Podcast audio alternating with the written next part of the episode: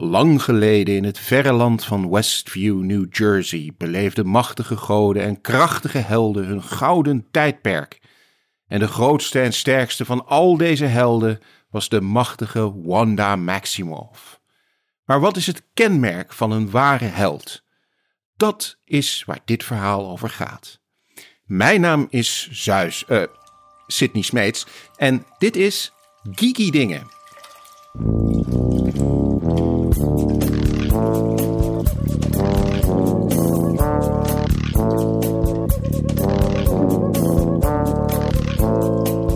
Mijn naam is G.J. Kooijman en mijn favoriete Disney-heks is Jafar. Beetje genderbender, ontzettend queer en natuurlijk een van de beste sidekicks uit Disney-geschiedenis, Iago. Mijn naam is Tom Aalmoes en mijn favoriete Disney-heks is, en dit is me een beetje met een omweg, dus ik speel je eigenlijk vals, maar in de VS heeft Disney de uh, licentierechten op alle films van, uh, uh, van Studio Ghibli. Dus mijn favoriete Disney-heks is Yubaba van Spirited Away. Kijk, dat is een slimme move. Mijn naam is Louise Barendrecht. En mijn favoriete Disney-heks is denk ik toch The White Witch van Narnia. Het blijft een nostalgisch uh, film voor mhm. mij, dus okay. ik, mo ik moest er noemen. Oké, oké. Nou, mijn naam is dus Sydney Smeets en mijn favoriete Disney-heks is Ursula uit uh, The Little Mermaid. don't underestimate the importance of body language. Um, nou, jullie hoorden onze gasten al. Uh, deze keer uh, hebben we het uh, moeten doen, of moeten we het gaan doen, zonder Linda. Linda heeft ons laten weten dat ze Wanda Vision eigenlijk niet zo heel erg goed kon volgen, omdat ze niet zo'n grote fan van het MCU is. En vandaar dat wij twee mensen hebben uitgenodigd die dat wel zijn en die daar ook met heel veel plezier over kunnen gaan praten. Uh, ze zijn allebei al eerder bij ons in de uitzending geweest. Ik begin even met Louise. je zat volgens mij de laatste keer bij ons toen we het over Watchmen hadden. Of ja, heb je daarna... volgens mij wel. Ja, precies, precies. Ja, ja, ja, nou, we Watchmen en daarvoor volgens mij een keer Halloween. ja, ja omdat, daarna, omdat, je, ik. omdat je altijd zo'n mooie Halloween feestjes organiseert. Och, ik kan niet wachten tot het weer kan. Precies. Hopelijk dit jaar weer. Hopelijk dit jaar weer. Want wat, uh, wat doe jij nu zo tijdens de lockdowns? Uh, nou ja, ik ben opnieuw begonnen met uh, studeren. Dus ik studeer docent Engels te worden. Dus daar zit een hoop van mijn tijd in. momenteel ben ik ook weer boeken, veel boeken aan het lezen voor een bieboekenwedstrijd. Het is een Amerikaanse award. Dus het is vooral ja, award voor, voor het beste bieboek uh, van het jaar. dus ik ben voornamelijk heel veel aan het lezen en aan het gamen. Nice, oké. Nou, dan ben ik wel benieuwd uh, of er in je vooruitblik nog een, of terugblik nog een leuk b-boek uh, voorbij komt. Um, en de andere gast, GE, niet te missen als je enigszins iets wil volgen over alle dingen die met het roze leven te maken hebben, zoals het Songfestival of Drag Race. is er een queer ding waar je geen podcast over maakt? Uh, Oeh, zijn er dingen waar ik... Nou, er zijn altijd ideeën om nog meer queer podcasts te gaan maken natuurlijk. Maar het is ook altijd afvragen van, wat voeg je eraan toe? Uh, maar ja, wie weet wat de toekomst brengt. Uh, het leuke aan podcast is, is dat je hem zo opgestart hebt natuurlijk. Precies, precies. Ja, de vorige keer was je bij ons uh, ook de gast uh, over een Marvel-onderwerp. Dus uh, we, we, verwachten veel van, je, van je kennis. Ja, dat um, ging ehm, natuurlijk toen over de X-Men natuurlijk, ja. inderdaad. Dus ja, een goede overlap met vandaag. Precies, precies. En nog even die podcasts, want je deed een podcast of je doet een podcast over het Songfestival. wat een bijzondere wending nam dit, dit jaar.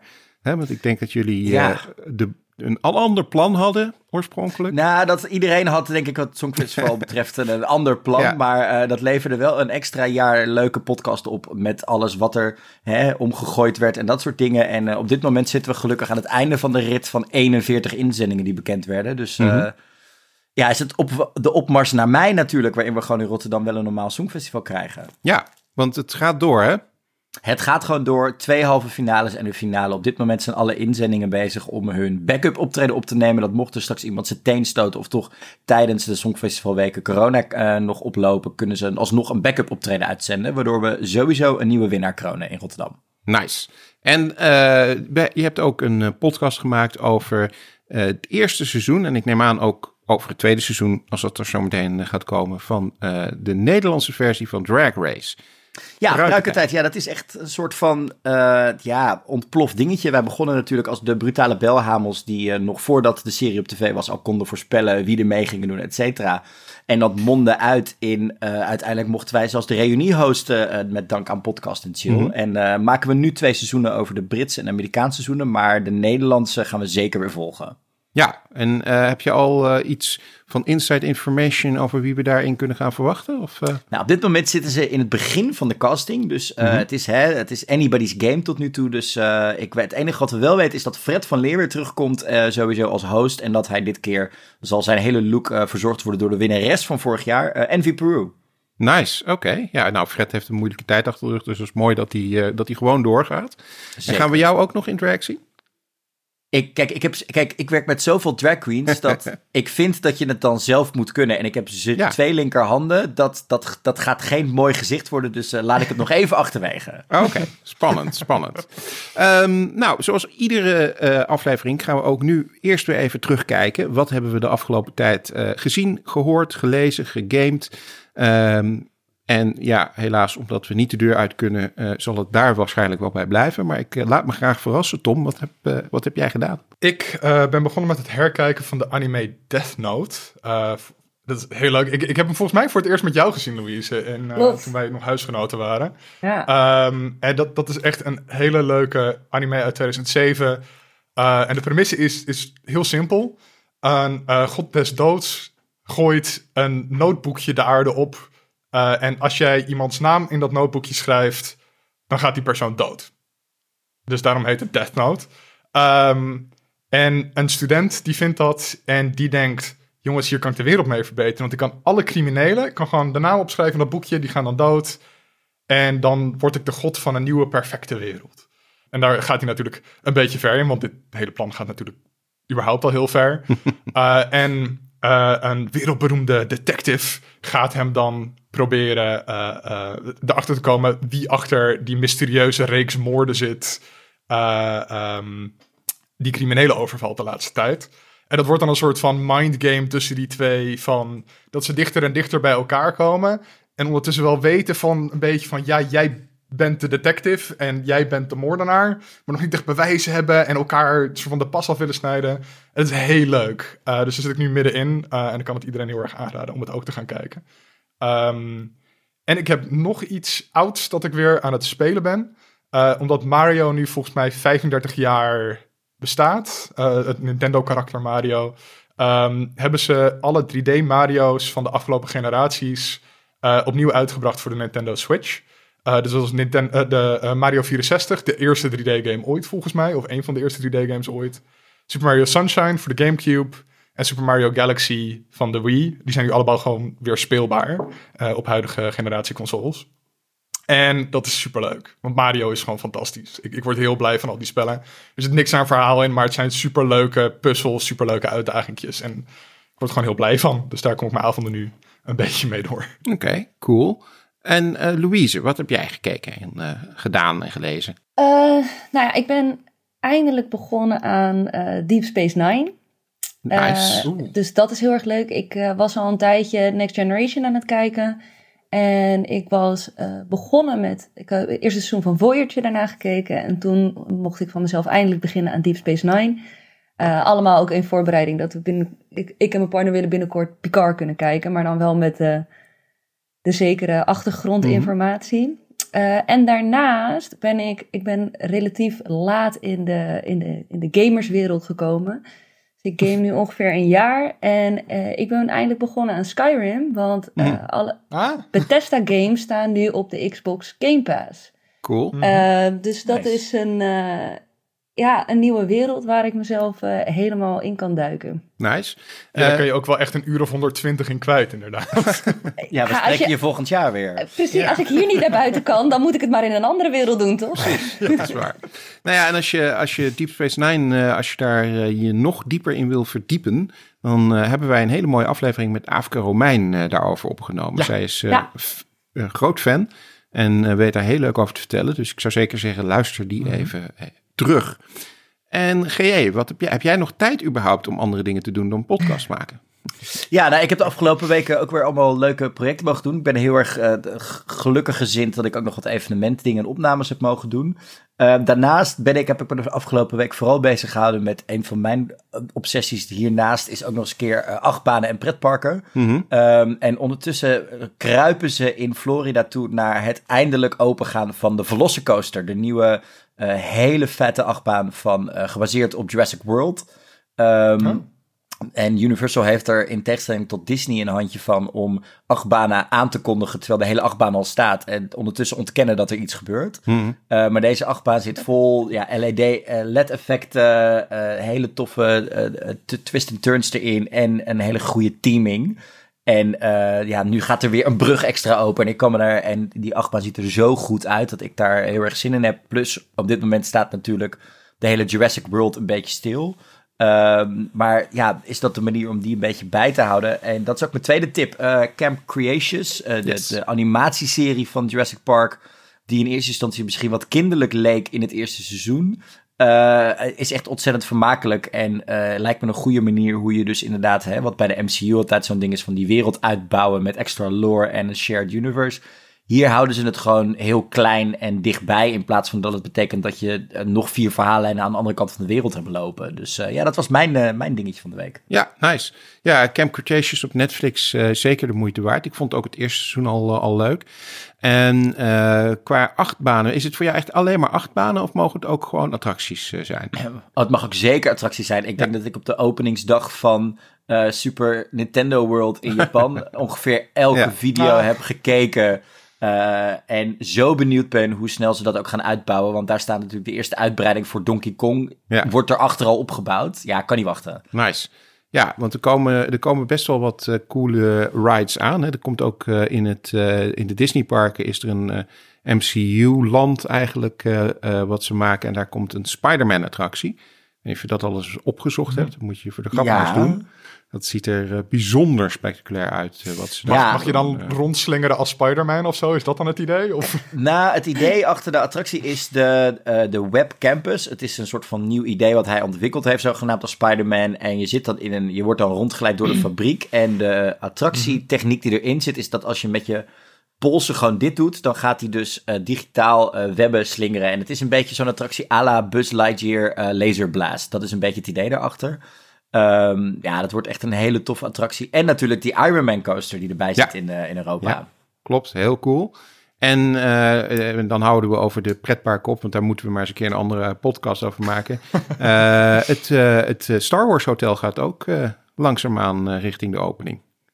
Ja, ik vraag me nog steeds af wat daar nou zeg maar de doelgroep voor is. Want volgens mij wordt dan 2000 euro, 3000 euro heel, heel per nacht duur. op ja. ding. En je zit ook eigenlijk 48 uur opgesloten. Je mag ja. alleen even één dag het park in. Ja, klopt. Ja. Ja, het is een uh, immersive experience noemen ze het. Dus je gaat uh, op een gegeven moment een, uh, een, een shuttle in, die brengt je naar het ruimteschip.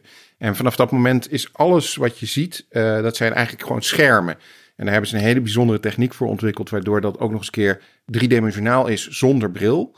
Um, ah. Maar je bent dus echt 48 uur ondergedompeld op een ruimteschip. En alle ramen, dat zijn dus schermen waar je op je de ruimte en nou ja, planeten en dat soort dingen uh, ziet. En het enige moment. wel heel vet hoor. Ja, ja en, het, en het toffe is ook dat ze er echt. Je kan er max 48 uur zijn, want er speelt zich eigenlijk gewoon een verhaal half die 48 uur. Um, wat dus ook te maken heeft dat op een gegeven moment, hè, op een gegeven moment zal de Empire of de nieuwe, hè, of de nieuwe Republic zal een keer binnenkomen zetten.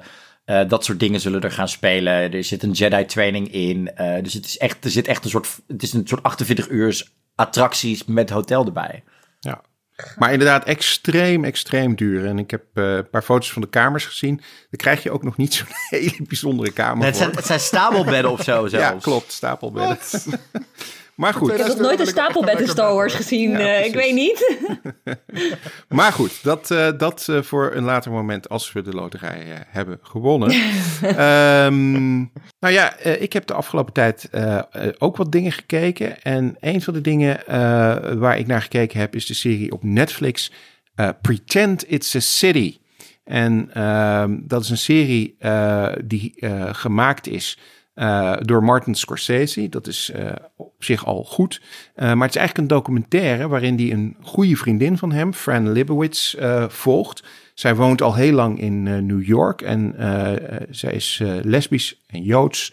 En heeft een hele droge, cynische vorm van humor.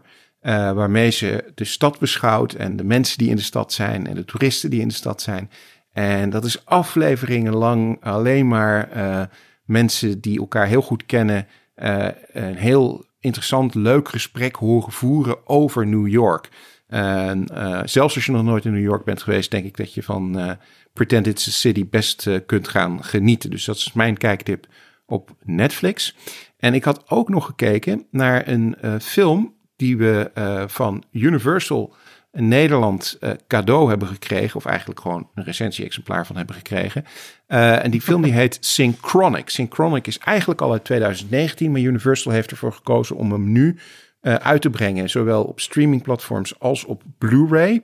Um, en nogmaals, we hebben de, de recensie, het recensie-exemplaar van Universal gekregen. Dat vind ik belangrijk om even te noemen. Zodat je dat weet. Maar voor mijn recensie maakt dat niet zoveel uit. want als het een slechte film was geweest, dan sorry, Universal had ik dat ook wel gezegd. Maar dat valt eigenlijk wel heel erg mee. Het is best wel een goede film. het is een film met, en dan daar gaan we het straks vast nog over hebben, Anthony Mackie in de hoofdrol. oftewel de Falcon uit de Falcon Winter Soldier. Mm -hmm. En hij speelt een, een, een, paramedic, hoe noem je dat? Een, een, een zieke broeder, die probeert uh, te achterhalen wat er met de dochter van zijn beste vriend is uh, gebeurd. Die is op een gegeven moment heeft zij een nieuwe drug, een, een, een, designer drug gebruikt. Die drug heet Synchronic. En die is verdwenen. En hij probeert erachter te komen wat nou hetgene is dat met haar is gebeurd. En het grappige is dat het blijkt zo te zijn. En ik vind het niet echt een spoiler, want volgens mij is dat min of meer het concept van de, van de film. Dat die, uh, die designer drug, die Synchronic, dat is um, een tijdreismiddel. Dus op het moment dat je die drug neemt, dan uh, reis je zeven minuten lang in een andere tijd. En uh, dat levert een interessant verhaal op, een interessante film op. Het is behoorlijk uh, spannend. Het is ook best wel creepy zoals het gefilmd is. dus ik zou zeker zeggen, kijk daar even naar als je de kans hebt om hem ergens op een platform te vinden. Um, ja, dan gaan we het gewoon maar eens hebben over waarom we eigenlijk bij elkaar zijn. WandaVision.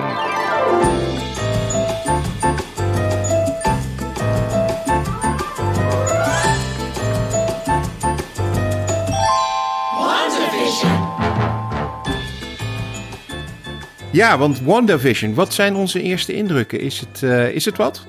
De eerste twee afleveringen vond ik heel erg leuk. Omdat ik niet had verwacht dat ze zo volledig in zouden gaan op, op die bit eigenlijk van... Haha, kijk, dit is net als een oude serie. Um, en daar ging ze gewoon vol voor. Gewoon twee afleveringen lang. Dat je echt gewoon zit van... Waarom de fuck zitten Wanda en de Vision in een jaren 50 huis? Hè? En ook geen uitleg, niks. Gewoon, nou, de eerste twee afleveringen zijn gewoon dit. Je zoekt het maar mee uit. Um, en dat vond ik zo gedurfd eigenlijk van Disney, die toch wel eigenlijk heel veel op safe speelt. Um, dus ik vond dat, dat heel leuk. Dat intrigeerde me ook heel erg. En dat maakte ook echt dat ik daarmee door wilde kijken. Nou, er komt dan later natuurlijk wel meer zo van je standaard MCU-fair bij kijken natuurlijk. Maar zeker die eerste paar afleveringen waar ze heel trouw aan dat format van die oude series vasthouden. En ook aan de humor van die oude series. Dat vond ik heel goed gedaan. Ja, en ik, ik vond het ook op een bepaalde manier een soort van om hiermee je tv-ding te starten. Het is een hele hoge drempel. Uh, hmm. En zeker na The Mandalorian, waar je eigenlijk gewoon kunt instappen. En dat is best wel een rechtlijnig, makkelijk verhaal. Had ik gelijk zoiets van: wauw, wat gaan ze hiermee doen? Want dit is dit. Ik, was, ik had niet verwacht dat het zo breed publiek zou gaan trekken. Omdat het juist zo. Ont, de, de MCU is niet niche meer. Dat, dat kunnen we ondertussen denk ik wel zeggen. Maar het is wel dit concept, en dit is best wel highbrow, die eerste twee, drie afleveringen, dat ik dacht, oh, hè? Uh, dit is misschien iets te gewaagd, want het was natuurlijk ook niet gepland als de eerste Marvel-serie. Mm Nou ja, we hadden, het, Louise? ja, we hadden het net over achtbanen. En ik ben echt door een soort van mentale achtbaan gegaan tijdens dit seizoen. ik had de eerste aflevering, dacht ik echt, ik weet niet waar, wat ben ik aan het kijken? Waar kijk ik naar? Maar andere mensen, ik, ik ging ook zonder enige informatie erin. En eh, andere mensen waren lyrisch erover. Dus ik had zoiets van, nou, ik moet doorkijken. Toen vond ik het echt fantastisch worden. En toen aan het einde werd ik een beetje bang dat ik dacht, oh nee, gaan we nu de kant op waar ik niet heen wil? En bij het einde zat ik een beetje, de, de helft vind ik goed en de helft ben ik wat teleurgesteld over. dus ja. Waar, waar ben je dan teleurgesteld over? Uh, nou ja, het, het stuk wat, ik, uh, wat mij zo trok, waardoor ik na, bij, bij episode 4 dacht: oh my god, dit begin is fantastisch, het is briljant. Um, en hetgene wat de serie uniek maakte, uh, dat werd, uh, ja, er was een, een contrast met dat je dan de mensen buitenaf met de stereotype Marvel bad people die soort van politiefunctie invullen en dan we gaan alles bevechten met geweld. En dat kreeg naderhand meer en meer informatie. En in de laatste episode de hoeveelheid fight en alles wat ik niet nodig vond en juist niet miste in deze serie, kwam in de laatste episode toch nog terug. En dat vond ik jammer. Mm. Oké. Okay. Uh, ja, nou ja, ik was uh, ook in de, onder de indruk. Ik vond het ook uh, de eerste paar afleveringen echt aftasten van, ja, wat, wat doen ze? Waar gaat dit over? Waar gaat het heen? Vind ik het überhaupt wel leuk? Want ik moet zeggen dat nu ik de hele serie heb gezien, die eerste afleveringen beter kan waarderen dan toen ik ze de eerste keer zag. Omdat ja. ik uh, zoiets had van ja, dit is inderdaad leuk en ik zie ook wel wat het concept is. Maar ik vond het niet bijzonder grappig of zo. Maar goed, het is nu ook wel duidelijk waarom het niet echt een hele grappige sitcom was. Um, dus nee, ik was ook wel in, onder de indruk. Is het, um, want zoals gezegd, Linda heeft dus ons op een gegeven moment gezegd van ja jongens, ik ben dit aan het kijken, maar ik snap eigenlijk niet waar het over gaat. En ik ik vind het niet leuk om daar dan nou ja, over te praten als ik eigenlijk helemaal niet begrijp wat de achtergrond is. Um, is het te volgen voor mensen die niet in het MCU geïnteresseerd zijn? Is dit een serie die je kunt kijken als je niet alle andere 25 MCU-films in, je, in je achterhoofd hebt? Nee. nee. Ik weet niet of je ze allemaal nee, gezien moet hebben, maar... Je moet, je moet een basiskennis ja. hebben, denk ik. Als je, als je niet um, een Avenger film heb gezien. Mm -hmm. um, en dan hoeft het niet eens Age of Ultron te zijn, maar zeker de laatste twee. Als je die niet hebt gezien, dan snap je gewoon, dan uh, valt ook denk ik los van de hele contextuele wie is wie, waar gaat het over. Dan mis je ook het hele stuk waarom de rouwverwerking en dat gedeelte met haar ouders, wat we later zien in deze, afle deze afleveringen, dan valt daar de hele emotionele sfeer van weg en, en is alles contextloos en zit je minder. Ik, ik denk wel dat de mensen gekeken hebben die vooral naar de vorm gekeken hebben. Die het vooral gewoon interessant vonden om de vorm te zien en de, de herinneringen aan uh, comedies van weleer. Maar zonder voorkennis kun je hier niet instappen. Ik vond het ook wel. Uh, het begin wordt niet aan je verteld. Uh, nog een keertje van. Hey, weet je nog dat Vision dood is gegaan? dus dat, dat moest ik ook wel even uitleggen aan mijn vriendin die naast me op de bank zat te kijken. Van ja, nee, Vision is dood. Ja, daarom ja, natuurlijk. Dus het is heel raar dat hij. Ja, daarom was ik dus ook. Ja, ik vroeg dat, me af wanneer speelt dit zich af?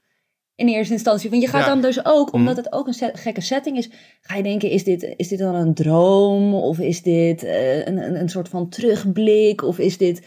Een, ja, je, de, dat zorgt er wel voor dat je gaat nadenken. Maar als je dat niet weet, dan denk je: oké, okay, dit zijn twee mensen die in een ouderwetse serie doen alsof ze daarin zitten of zo.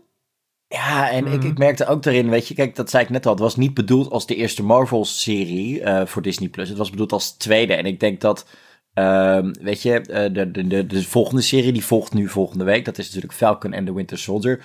Dat speelt ook direct na Avengers. Uh, Endgame, waardoor je dus denk ik heel duidelijk daar nog een keer waarschijnlijk de herinneringen had gehad van, mm. oh ja, die is dood, dit is, die is niet meer, zo zit de wereld nu in elkaar. Waardoor je die context niet nodig had gehad aan het begin van WandaVision. Maar nu moest Disney nog even een week tevoren een soort van... Oh, we gaan een nieuwe show lanceren, Disney Legend. Dat is gewoon de best of...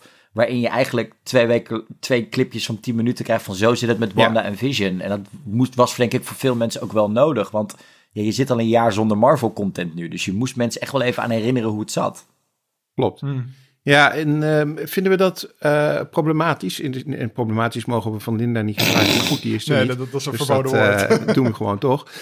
vinden we dat een probleem, dat het, dat het zo weinig context en zo weinig achtergrond heeft? Of is het ook misschien stiekem wel een klein beetje leuk, omdat je, als je dus wel al die kennis hebt, je een beetje kunt verkneukelen van ik snap dit allemaal en de rest van de wereld niet? Nee, ik denk dat het, het is aan de ene kant, ik kan me heel goed voorstellen, ik ik weet nog dat ik op een gegeven moment ook echt veel films moest inhalen. En toen dacht oké, ik moet nu een lijst gaan maken met een volgorde en alles moet ik kijken. En toen dacht ik echt, oh jeetje, dit is zoveel. Maar aan de andere kant, het is de manier waarop Marvel nu verhalen vertelt. En het betekent dat je dieper kan gaan op een emotionele laag, omdat je niet meer alle context hoeft te gaan vertellen elke keer als je een film of een serie begint. En ik denk dat dat wel de kracht is. En als je daar een deel van wil zijn, moet je dus tijd en energie investeren in het verhaal. En dat krijg je wat voor terug. Ja, ik hink een beetje op twee gedachten hierin. Want ik vond het juist het, het begin van WandaVision en juist misschien het... je moet nu instappen en je moet al wat weten. En, als je het, en ook de dingen waarvan je denkt dat je ze weet... of ja, zelfs als ervaren MCU-fan vragen over hebt... Uh, daar komen we later nog wel op terug. Uh, ik vond, dat vond ik heel sterk. Ik heb het meer uh, problemen met het einde van deze serie en hoe dat verder gaat. Omdat ik bang ben dat karakters die hierin geïntroduceerd zijn, gaan we terugzien in andere films. Komen we straks denk ik nog wel even op. Um, en dan ben ik bang dat we daar een soort van herhaling van zetten gaan krijgen. Dat ze daar juist wel weer extra expositie in en zo moeten gooien. Want als je, denk ik, straks instapt en de, de, de tv-series lekker links laat liggen. dan heb je straks geen idee wie uh, Monica Rambeau is. En dan moet ja, dat die nog een keer... in, in, in de tweede Captain Marvel natuurlijk. Ja, en dan krijgen we daar Ja. dus een hele uitleg, denk ik, nog een keer. Waarvan je als WandaVision-fan nu denkt: ja, maar dit weet ik toch allemaal al. Ik heb haar, we hebben die groei meegemaakt. En ik, daar ben ik een beetje bang voor aan het worden. Dat, het, eh, dat, dat ze daar. eh, want ik, ja, Kevin Feige kan het, eh, de baas natuurlijk achter de, eh, de MCU, die kan vaak genoeg zeggen van nee, het is helemaal één verhaal en je moet alles volgen, want dit, maar die moet straks ook gewoon aan zijn bioscoopbezoeker denken. Ja. Ja. Ja. En eh, over, de, voor, over die bioscoopbezoeker, dat eh, hebben we het al een keer eerder in onze eh, podcast over gehad. eh, eh, dat het natuurlijk de vraag is hoe de, hoe de bioscoopbezoeker er in de toekomst, eh, in de nabije toekomst uit gaat zien. Met alle eh, moves van eh, services die nu ook films gewoon gaan streamen en, en tegelijkertijd in de bioscoop uitbrengen.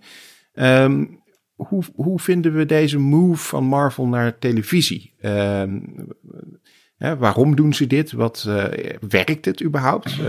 Is het iets unieks? Hebben we het eerder gezien? Ja, ik vind het wel lekker werken. Ehm, ik, ik, ik denk dat ze gewoon met de Mandalorian heel goed hebben gekeken eh, bij Disney wat werkt en hoe je zo'n serie die gekoppeld is aan, aan een breder eh, ander universum eh, een beetje goed op de markt zet. En je merkt ook wel dat, dat ze daar, daar echt lessen uit getrokken hebben. Dus ook de manier waarop deze serie uitkomt, dat is echt anders dan Netflix dingen doet. Dus elke week een aflevering in plaats van in één keer een seizoen droppen. Disney weet daar wel ehm, eh, één, natuurlijk voor henzelf heel chill hype te genereren. Dus dat elke week al die speculatie is. Maar daar kunnen we het misschien zo nog wel even over hebben. Ehm, maar ook qua format van de serie vind ik dat ook wel lekker werken. Dat ze dus elke week een afgerond verhaaltje vertellen. Waar één, één themaatje centraal staat. Maar op zo'n manier in een breder verhaal eh, eh, situeren. eh, ehm, eh, dat, dat, dat, je elke keer wel weer door, door wil kijken. Omdat er nog een bredere mysterie nog uitgepluist moet worden. Ja, Dus en vergeet dat. Ja, En vergeet natuurlijk ook niet dat dit ontstaan is uit de frustratie van Kevin Feige. Eh, Kevin Feige zag natuurlijk met soort van ja, ledenogen aan wat eh, Jeff Loeb, die eh, natuurlijk bekend staat als producer van onder andere Heroes en dat soort dingen. die ging op een gegeven moment met Agents of S.H.I.E.L.D. aan de gang. De, de, de eerste soort van Marvel-serie die er kwam ehm, op ABC, ook van Disney natuurlijk. Eh, waar in het begin natuurlijk hadden we wel nog wat overlap. Hè? Daar zat eh, Lady Sif zat er onder andere, is daar voorbij gekomen in een aflevering. Eh, Agent Clarkson zat in die serie die natuurlijk dood was en hoe dat nou precies zat. Maar op een gegeven moment ging dat heel erg zwalken. Eh, dat hebben we ook gezien met onder andere Peggy Carter, wat natuurlijk wel vooral fanservice was en een goed verhaal vertelde. Maar uiteindelijk, en, en eigenlijk gingen die twee zo uit elkaar, omdat eh, Marvel TV Studios ging ook allemaal dingen doen met Netflix natuurlijk, de vier series die we daar gehad ja. hebben met de Defenders. Ehm, en Ja, maar eh, die twee gingen op een gegeven moment heel erg uit elkaar lopen. Agents of S.H.I.E.L.D. had niks meer te maken met de rest. En je ziet hetzelfde met, nou ja, het meest pijnlijke voorbeeld lijkt me toch nog wel de Inhumans uh, serie. Geschoten op, geschoten op IMAX, wat meer een soort persiflage op Game of Thrones in, in space werd. Dan dat het echt bij, nog bij de goede content van Marvel hoorde. En uh, uit die frustratie is dit ontstaan. Dat, dat, dat eigenlijk, kijk, de kans, ze wisten natuurlijk al langer dat Disney Plus eraan kwam. Maar hier kan Kevin Feige eindelijk een keer die creatieve controle terugnemen. Uh, en zorgen dat het allemaal weer coherent wordt. Uh, en ja, daar ben ik alleen maar heel blij mee. Ja, ze doen dat ook wel knap, hè? Want inderdaad, er zijn wel eerdere Marvel soort van MCU-achtige series geweest. Officieel, geloof ik, is, is Agents of S.H.I.E.L.D. nu niet meer canon, heb ik begrepen. Huh. Um, dat komt ook omdat er dingen in zitten die weer in WandaVision ja, dat zou niet, klopt. niet helemaal kunnen kloppen als dat, als dat hetzelfde zou zijn. Uh, maar wat ze tegelijkertijd doen, is bijvoorbeeld die Netflix-series die uh, best wel goed gewaardeerd werden. Zeker uh, Daredevil. Um, drie, drie van de vier werden goed gewaardeerd. Ja, zijn. Ja. ja, maar goed, drie van de vier is best een goede score, toch? Zeker. dus drie van die vier die werden best goed gewaardeerd door fans. Um, en die uh, nemen ze toch mee in, uh, in de toekomst. Uh, Daredevil zit in de nieuwe Spider-Man film, dat, dat weten we al, want daar zijn oh. al beelden van vrijgegeven. Oh, maar ook, ook, ook Charlie Cox als Daredevil. Ja, ja. dat ja. schijnt inderdaad de oh, roddel te zijn. Dit wist ik niet. nou ja, het is... Nou ja, Kijk, het oh, is, het is een roddel, oké. Okay. de vraag is nog op welke manier natuurlijk. En dat is iets waar we denk mm. ik later aan het einde nog wel even terug op moeten komen. Uh, maar ja, kijk, dat is denk ik wel het goede nu. Je kan door wat er ook in WandaVision weer dacht, of nou, laat me het zo zeggen, wat we dachten dat er in WandaVision zou gaan gebeuren, dat dat mm -hmm. heel veel mogelijkheden um, bracht om te gaan shoppen in alles wat de afgelopen 25 jaar aan beeldende vormen van, van Marvel is gemaakt. Um, ja. ja, ik ben heel benieuwd. Kijk, het, ik denk dat ik Charlie Cox gewoon uh, zo'n indruk heeft achtergelaten, ook omdat het de eerste Marvel-serie was die wat groffer en wat bruter werd. Ja, uh, die ja. moet, daar, dat heeft dat Kevin Feige ook ingezien. Is dit uh, vernieuwende televisie, vind jij, Louise? Uh, WandaVision zelf? Mm -hmm. Ja. Ik vind denk ik, ja, de aanpak in het begin, daarmee dacht ik dus echt van, ja, dit is vernieuwend. Alleen ik weet niet of ik het aan het einde van het eerste seizoen nog steeds vind. Mm -hmm. um, Oké. Okay. Ik denk dat er, had ik had, ik, ik, ik, had gehoopt op inderdaad echt een, een, een heel nieuw type manier van het verhaal vertellen van een Marvel um, karakter. En ik denk dat ze er een stap in gezet hebben, maar ik weet niet of dit extreem vernieuwend is uiteindelijk. Oké. Okay. Anderen die daar nog een idee over hebben? Nou ja, ja ik, Tom. gang, ga jij. Oh ja, oh, uh, uh, ja uh, nee, ik denk dat ze dus inderdaad in dat, dat pad zijn opgeslagen, maar dan toch aan het einde weer een stapje terug hebben gedaan. Dus ze neigden naar het diepere emotionele. Ze hadden het een beetje over dat trauma. En ze hadden door kunnen pakken en het echt het erover kunnen hebben. Maar op een gegeven moment vliegt het dan toch weer terug naar CGI Vision tegen Vision. Die een halve stad vernielen. En, en CGI romslomp. En uh, dat vind ik, vind ik echt een gemiste kans. Dat vind ik eigenlijk wel jammer. Dus ze hadden hier dieper mee kunnen gaan. Um, en ze hebben het uiteindelijk niet gedaan. En GE? Nou, ik denk dat ik vind het, uh, het, het, het, grapje zat hem ook in een soort van, nou niet vernieuwing, maar in een soort van bijna, het, dat klinkt heel raar voor mij, een soort retro gevoel waarin we uh, de discussie kregen die eigenlijk na aflevering 4 of 5 naar boven kwam van het duurt te lang, waarom moeten we weken mhm. wachten, het bingen. En toen zag je heel veel mensen, zeker in, in Amerika, een soort van. Zij is ondertussen nou iedereen vergeten dat, dit, dat we dit deden met Los. Dat we dit deden met 24. dat we dit. Weet je, alsof het een soort van een hele generatie door dat binge zo verpest is dat iets wekelijks uitbrengen met, de, met het watercooler en de fantheorieën en alles tussendoor. En Um, ook niet in één keer de antwoorden krijgen, maar af en toe dat juist gespeeld wordt met je verwachtingen als kijker van nee, we vertellen je nog niet alles. Denk er maar eens een week over na en volgende week vertellen we je misschien nog niet alles, want we hebben nog drie weken daarna. Dat vond ik daarin nou, niet vernieuwend, maar fijn dat dat er weer een keer in zat, dat we dat gingen doen. Mm -hmm. um, en ik denk dat de vernieuwing vooral zit in het feit dat ze um, twee karakters die eigenlijk, nou dat, dat, dat zegt Elizabeth Olsen zelf ook in de making of, weet je. Ze kregen gewoon weinig kansen om die karakters uit te diepen. En ik vind het wel vernieuwend dat we nu zien dat dit soort dat we niet meer straks een soort van tweede rangs karakters gaan hebben in de MCU, Mhm. maar dat, dat als jij heel erg fan bent van een specifiek karakter, daar altijd ruimte is voor verdiepingen in de MCU. Eh, dat vond ik wel vernieuwend. Ik denk ook, Cool. ehm, wat je zegt inderdaad over dat het weer eh, wekelijks uitkomt en het ruimte geeft voor eh fantheories. Dat past heel goed bij het feit dat je deze serie niet kan kijken als je geen voorkennis hebt. Het, het leent zich juist zo voor die, die wekelijkse spanning. En het is zo'n groot universe dat je gaat nadenken: oh, maar kan misschien die, oh, dit kan een hint zijn naar dit. En ik denk dat dat heel goed past in combinatie met, eh, met MCU.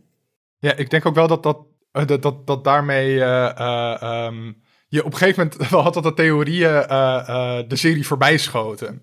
En dat, dat uiteindelijk ook dat wel meehielp dat voor mij de serie uiteindelijk misschien een, net wat underwhelming voelde met wat er uiteindelijk echt in gebeurde. Want er waren natuurlijk de wildste speculaties dat er gigantische Zeker. dingen gingen gebeuren in deze serie.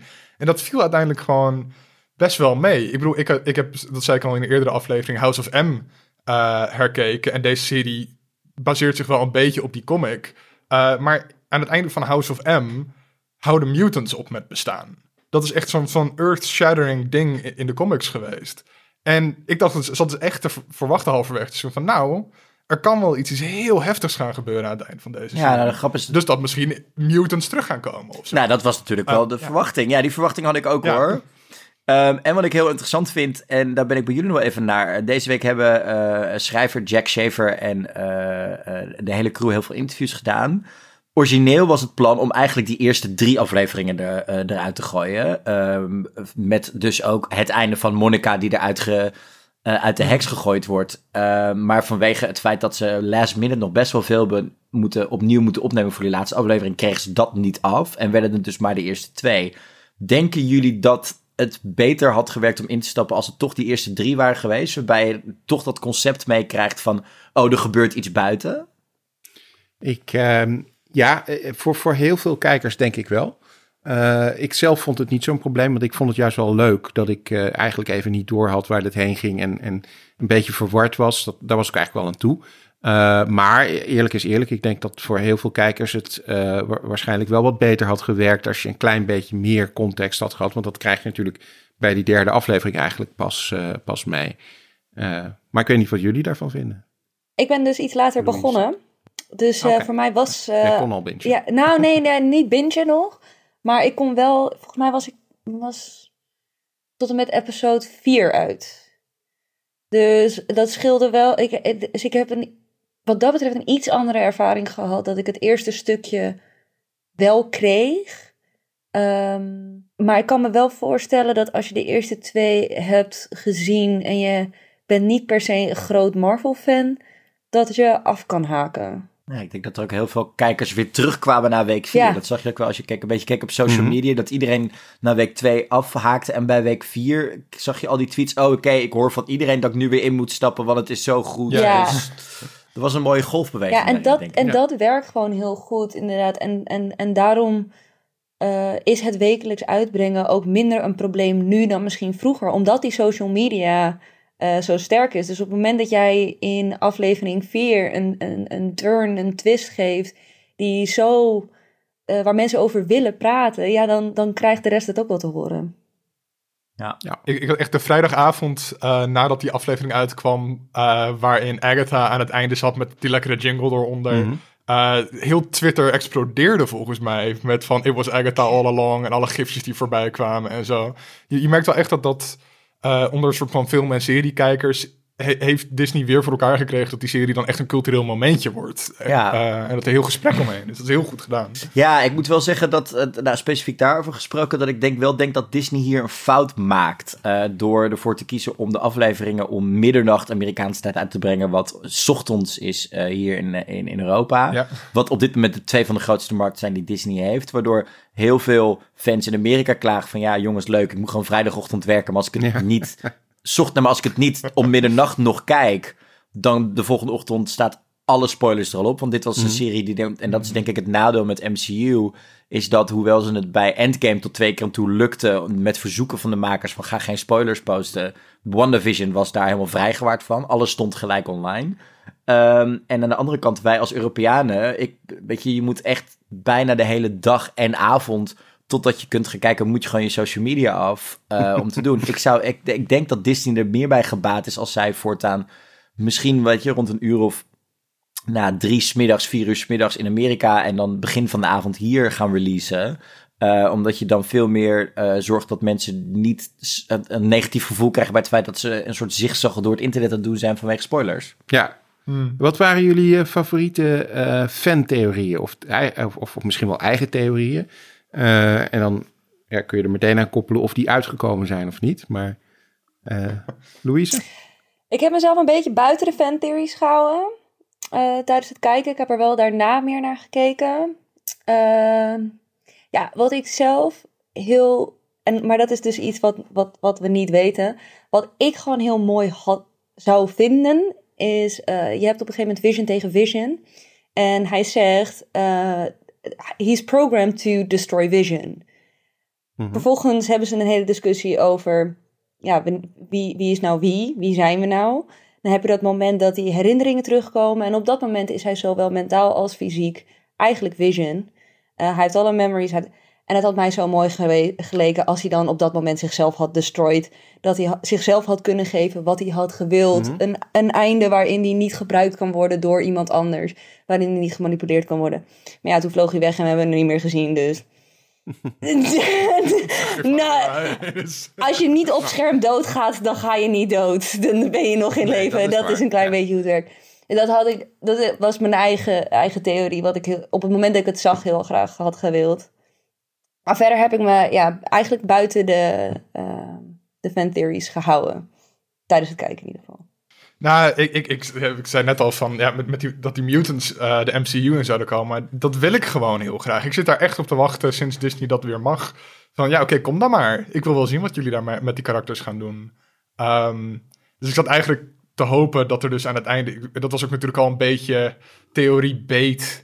Met dat ze uh, Quicksilver, de mm X-Men versie in de serie hadden.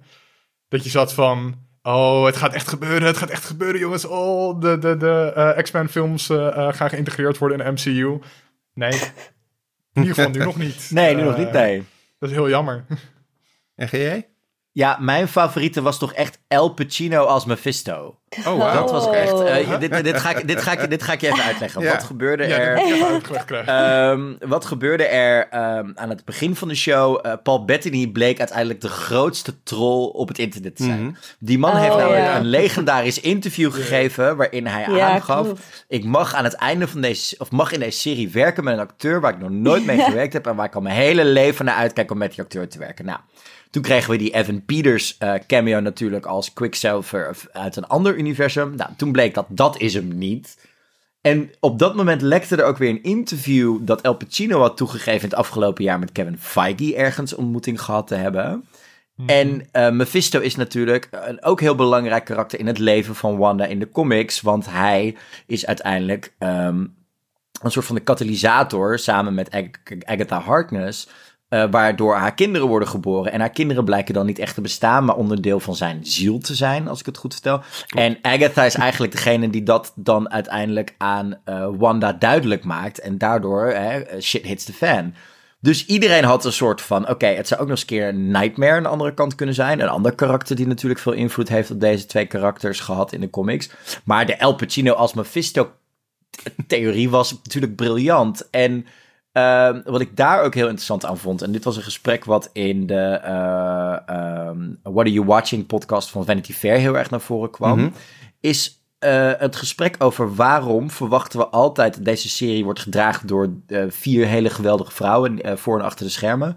Um, maar alle theorieën gingen eigenlijk over Mephisto, Nightmare er nog achter, misschien Magneto erachter. Uh. Waarom verwachten we altijd als we een sterke vrouw zien, dat er dan een grotere mannelijke bad guy nog boven hangt? En dat vond ik een hele hmm. interessant het gesprek waar, waar, ik eigenlijk eerder nooit over na had gedacht. Um, en dat daar misschien, dat, dat dat een soort van, ja, ding is waar we nu heel erg aan moeten wennen. Dat, dat, daar, zo zijn we getraind in die comics, dat er hangt altijd een grote bad guy letterlijk qua gender boven. Um, en dat was niet zo hier. En, um, maar ik moet zeggen dat door deze fantheorieën mijn teleurstelling, er zat wel een hele grote teleurstelling in de laatste aflevering. Omdat ik was er toch een beetje in meegegaan dat dit grotere implicaties zou hebben voor de volgende film mhm. waarin we Wanda gaan zien. En dat ik daarom uh, uh, ook het idee had dat ze bepaalde dingen niet helemaal oplosten of deden. Ik vond zeker de oplossing van Quicksilver uh, met Ralph Boner uiteindelijk vond ik ontzettend, ja. ontzettend slappe, slappe hap. En als ik dan deze week een soort van lees dat nu alle fans een soort van de theorie hebben dat dat dan Jimmy Who's missing person zou zijn. Want daar ging het natuurlijk in, uh, in aflevering 4 over dat hij naar Westview was gekomen omdat er iemand in de Witness Protection Program zit die hij kwijt is.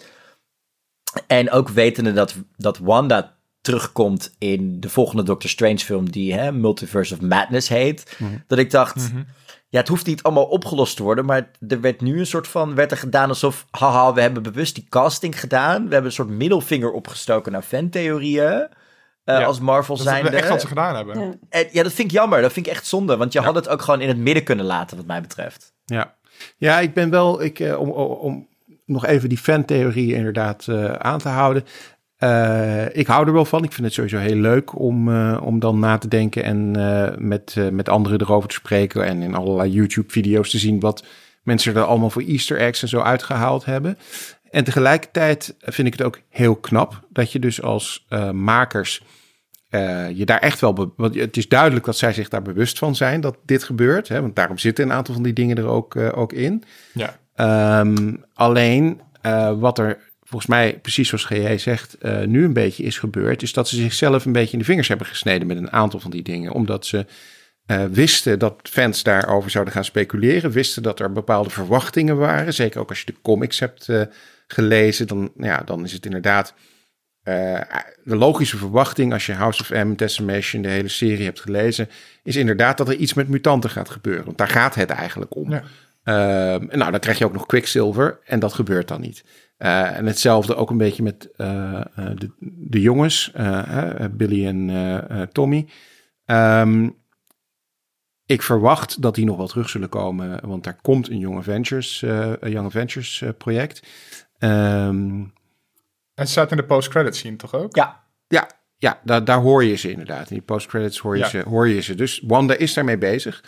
Uh, dus er zal nog wel zoiets komen. Uh, uh, maar ik, ik, ik had eigenlijk verwacht dat dat hier al een beetje in zou zitten. Dat we hier al iets zouden krijgen van ja, hoe dat dan op de een of andere manier opgelost uh, zou worden. Nou ja, wat ik, wat ik heel grappig vind, is dat ze eigenlijk uh, de plank ontzettend raak en missloegen. Want ja. uh, Agatha all along, dit is de theorie die aflevering 1 iedereen al wist. Ja, precies. Agnes, ja. Agatha Harkness. Ja. Dus daar speelden ze heel duidelijk met, ja, dit we wij weten dat jij dit weet. Wij weten mm -hmm. dat jij dit weet. Dat was heel erg de toon daarvan. Maar waar ik denk dat het ook voor deel mee te maken hebben gehad. We hebben de afgelopen week ontzettend gehoord dat ze vanwege COVID um, best wel veel aan het einde, dus in december, januari nog hebben opnieuw moeten schieten. Dat de finale, uh, de finale ook echt wel heel erg is veranderd. Waardoor we bijvoorbeeld weinig van Darcy zien in de finale. En uh, dat er ook nog wel dingen gepland staan. En waar ik nu een beetje bang voor ben, is dat dat komt door het verloop van de MCU. We weten natuurlijk dat dit zou serie 2 zijn, niet serie 1. Maar ook het uitstellen van Black Widow. En ik heb het vermoeden, omdat we straks eigenlijk drie hele grote belangrijke, denk ik, films gaan krijgen die echt nog wel impact hebben op de MCU, dat ze hier bewust een aantal draadjes hebben moeten uitschrappen, omdat we de rest nog niet weten. En dat is inderdaad juist die resolve met een Quicksilver en dat soort dingen. En ook, uh, er was natuurlijk heel lang, uh, was de roddel, aan het einde komt Doctor Strange binnen en zou Wanda misschien dan de grote villain zijn, die doordat ze zo mentaal... Um, in de war is, de multiverse opent hè, uh, en dat soort dingen.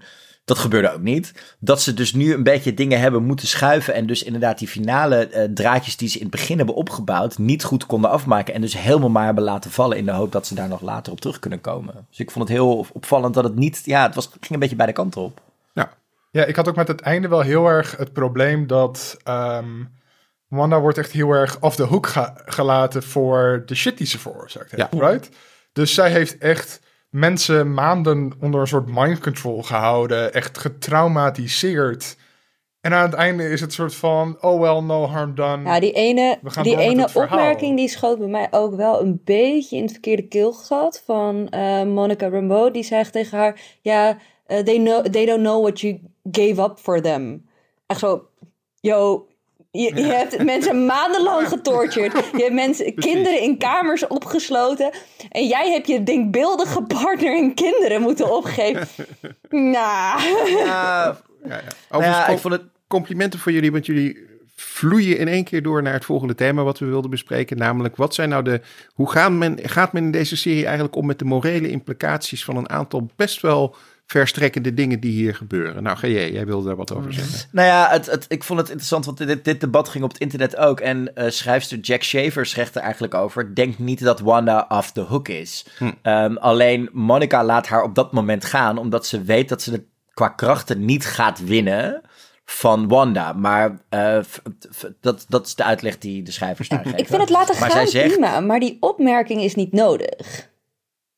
Ja, ik, ik vond dat op zich best een soort van interessant, omdat we daarmee toch wel weer terugkwamen op het feit dat die twee vrouwen heel erg eh, gebonden zijn en ook die connectie voelden. En waar Monica zo alles doet in deze serie, komt omdat ze de rouw snapt en, en de pijn van de rouw en dat soort dingen. Dus wat dat betreft vond ik niet erg. Ik had er meer problemen mee met de scène eh, eh, dat zeg maar al die mensen, hè, alle Westview-bewoners, een soort van Ehm, die ene scène van je doet me pijn zat erin, maar daarna is het eigenlijk een soort van. Oké, doei, we gaan, gaan even boodschappen doen. Weet je, dat, dat, dat, dat had. Daar, da- ik miste daar die impact. Ik bedoel, eh, eh, Monica heeft er misschien een andere visie op, maar juist die mensen zijn nu in één keer bewust wat ze al die maanden is aangedaan. En hoe we, we zagen de pijn eerder wel, bijvoorbeeld hè, in die scène tussen Vision en de, een van de bewoners op kantoor, waarin hij in één keer vrijgelaten wordt en begint over: Ik heb mijn moeder niet gezien, die is ziek. Ja. En, dat, en die impact miste ik hier heel erg. Die impact was hier verdwenen. En dat vond ik inderdaad heel erg jammer. Ja.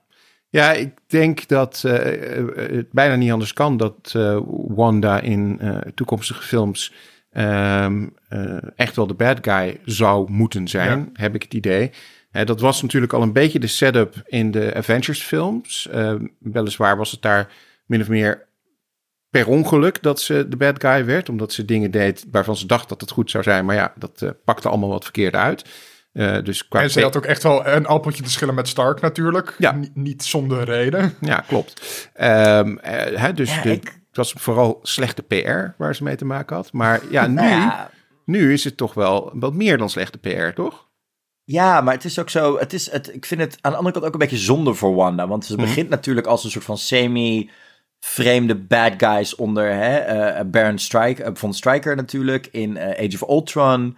Dan worden ze goed. Dan gaan er natuurlijk weer dingen mis, waardoor we uiteindelijk de Sokovia-akkoords krijgen. Mhm. waar ze, wat echt. Wanda is daar verantwoordelijk voor dat die Sokovia-akkoords Ja. er uiteindelijk zijn gekomen. Dat wordt natuurlijk in deze serie ook weer aangehaald. Dan wordt ze weer opgebouwd naar eigenlijk een van de meest sterke en positieve figuren in de laatste twee Avengers-films. En nu gooien we er weer die kant op. En belanden we eigenlijk ook best wel snel weer terug in de trope van de hysterical woman. Ja, Ah, ik zou het, Ik- het op zich, ik zou het echt niet erg vinden ehm, dat ze wat meer die dark side krijgt. Ik bedoel, ze leeft in een, in een, in een wereld waar iedereen waar ze ooit echt heel erg veel van gehouden heeft, eh, doodgaat de hele tijd. Eh, dus ik snap dat je, dat, dat je daardoor dingen doet die je niet meent. Maar ik zou het wel heel zonde vinden als er, als er de full bad guy wordt neergezet. Inderdaad, en de hysterical. Het zou zo mooi zijn als ze de juiste ruimte geven om eh, echt te gaan exploren wat voor consequenties kan je hier aan vasthangen. Dit is zo niet te, te, te, te het incomprehensible eh, wat zij gedaan heeft. En hoe kan je dan je leven verder leiden? Wat kan je doen om dat oké te maken? En dat zou heel interessant zijn, in plaats van haar gewoon een soort van in die hoek van you did something bad, you're bad now.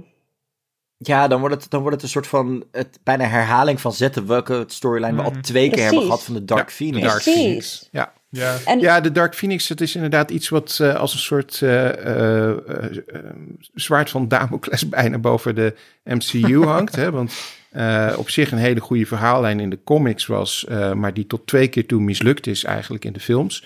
Ehm, Ja. En, en, en ja, bij de laatste aflevering was dat natuurlijk op alle Reddits meteen eh, waar de alarmbellen over afgingen. Van ja, wordt dit een soort tweede Dark Phoenix? ah, Ja, ik denk dat het, ik denk dat het interessant is als je straks gaat zien dat, eh, dat ze een soort van ja, in het midden blijft hangen. Dat bijvoorbeeld, we weten dat ze in Doctor Strange zit, maar wat als zij nu straks door uh, de Darkhold die ze vast heeft en door het horen van die stemmen ingangen opent naar de multiverse. En dan eigenlijk met Strange samen dat samen moet gaan fixen. En dus ook echt moet gaan dealen met de consequenties van haar acties. Zonder dat ze gelijk de stereotypical bad guy wordt. Want ik denk dat Kevin Feige en MCU veel te veel houden van Elizabeth Olsen. En Elizabeth Olsen uh, veel te veel heeft betekend voor, uh, voor de fandom en dat soort dingen. En ook gegroeid is in hoe zij keek naar dit karakter. Um, dat ik denk dat als je die neutraliteit opzoekt van oké, dit heb je gedaan omdat je je krachten nog niet helemaal begrijpt. En je een drang hebt om jouw kinderen weer te zien. Maar dan moet je ook helpen met het opruimen van die troep. Ja. Dat zou interessant zijn. Daar kun je een interessante film uit halen. Zeker met Sam Raimi. En dan heb je mhm. daarnaast ook gelijk dat je dus bepaalde tropes rondom sterke vrouwen kan breken. Dat het inderdaad niet gelijk hysterisch of dat, dat wat, sterke vrouwen zijn over het algemeen in films en series bad people. Um, en dat je dus inderdaad een soort van menselijke moraliteit erin bewaakt. Dat dit is, dit is hoe het werkt. Je doet soms dingen uit emotie nou ja, misschien niet dat je een hele stad. Uh... nee, nee, hebben we allemaal. ja, je weet het niet, hè? Um, Maar dat je, dat je daar echt mee gaat. Uh, dat, dat je dus toch, ondanks dat het iets is wat zo niet realistisch is, dat je dat stukje realiteit erin blijft houden. Dat menselijke stukje. Dat, dat zou heel interessant zijn. Mhm. Ik, ik, ik zou hier wel voor willen.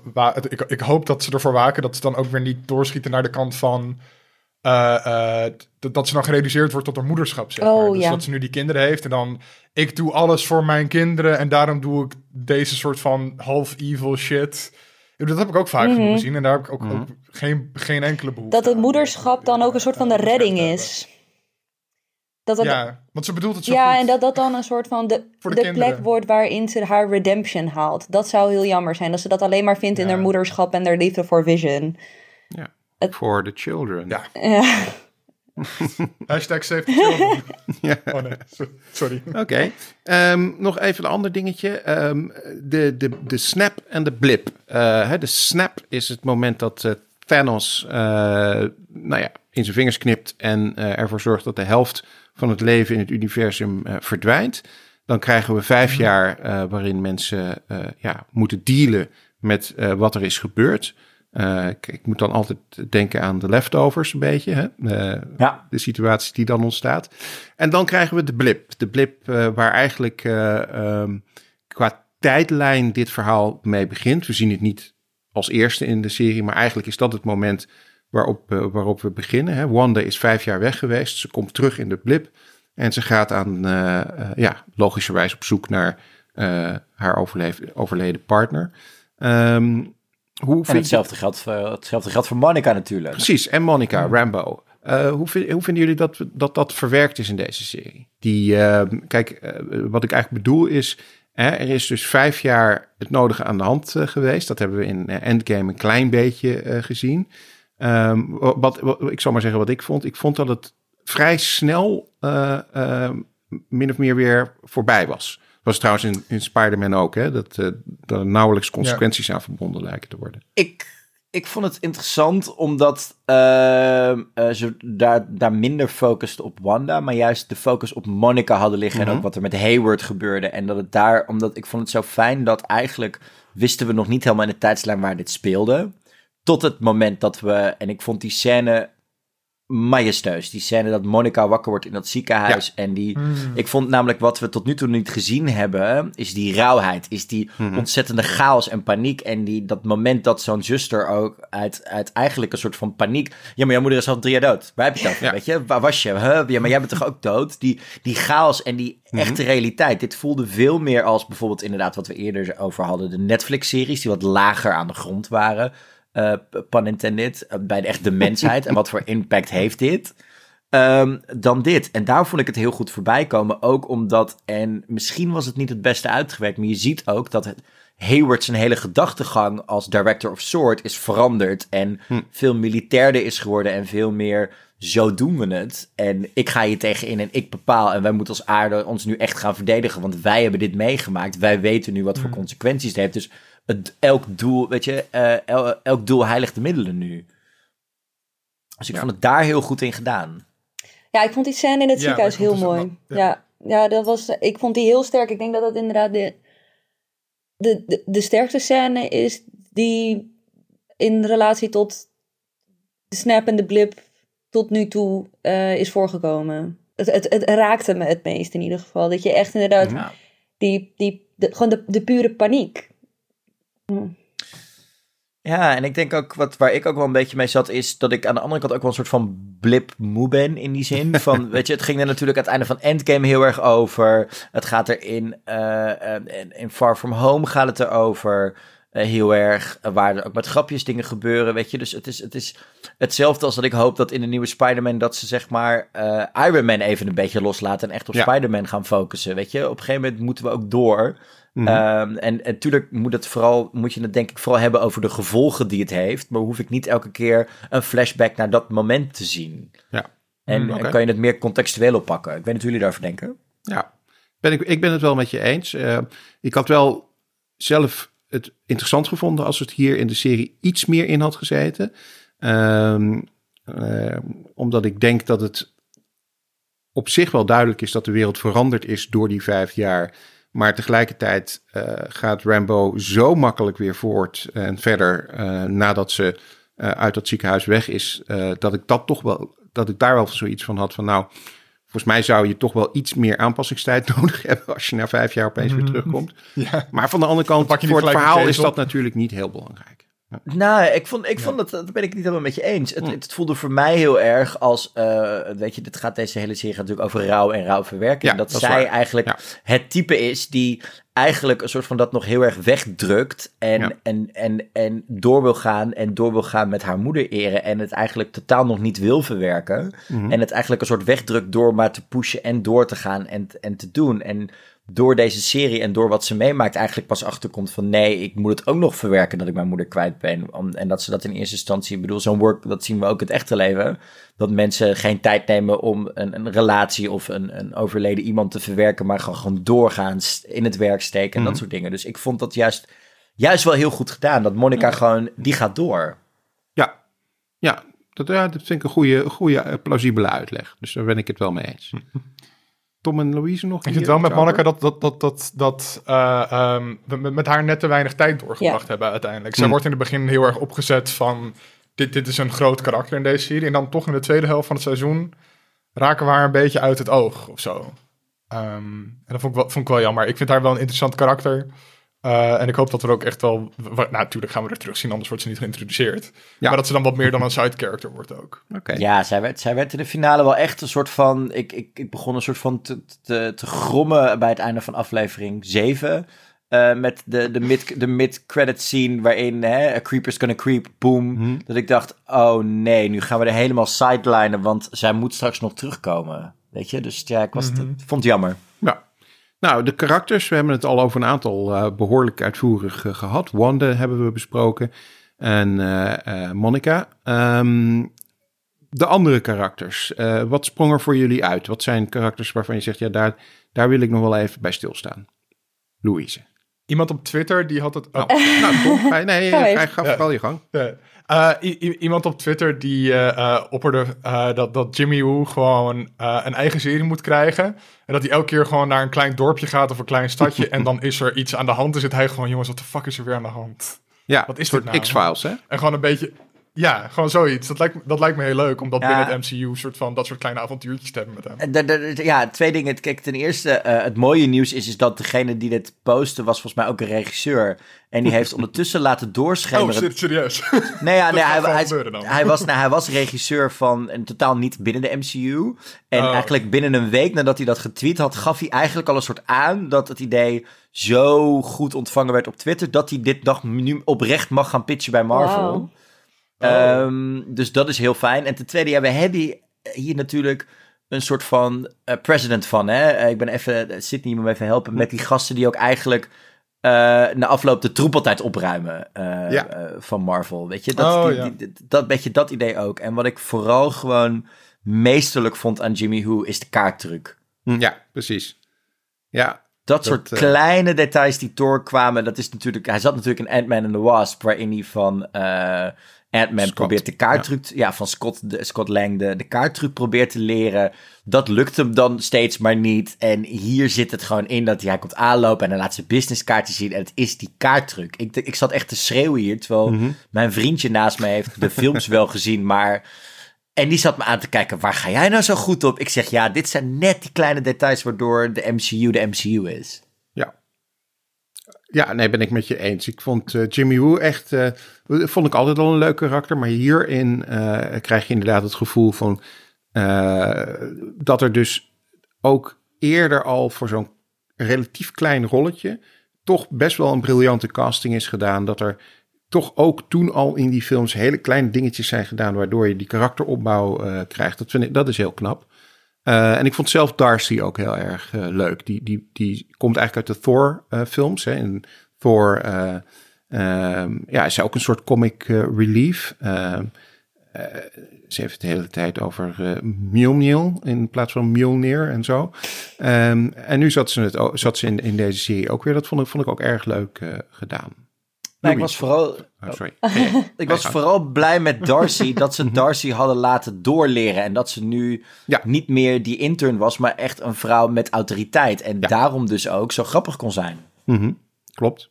Ja, want ze begint inderdaad als stagiaire. En dan ook nog eens een keer niet als stagiaire in de exacte wetenschap. Want ze heeft alleen, ze nou alleen maar, dat is een beetje flauw gezegd. Maar ze studeert op dat moment iets van sociologie of zo. En uh, dat is ook nog een foutje op het moment dat ze aangenomen wordt. Maar goed, ze heeft het inmiddels uh, helemaal uh, op de exacte wetenschap gegooid. Uh, Louise, jouw favoriete side characters? Nou ja, ik werd wel een beetje verliefd op Agatha. Mm -hmm. echt, ik was echt loved her. Maar ja, ik vond haar einde dan wel weer een beetje jammer dus. Uh, dat had voor mij niet in een, uh, in een grote blast met uh, kleuren en... het, zeg maar, het, ik had er iets meer... Ik had er een beter einde gegund in, in, in, in, deze, in dit seizoen. Het, ze was zo... Het is zeg maar... The Fall from Grace was op zich wel mooi gedaan. Weet je wel, iemand die zo powerful is, zo volledig overtuigd van haar eigen kracht.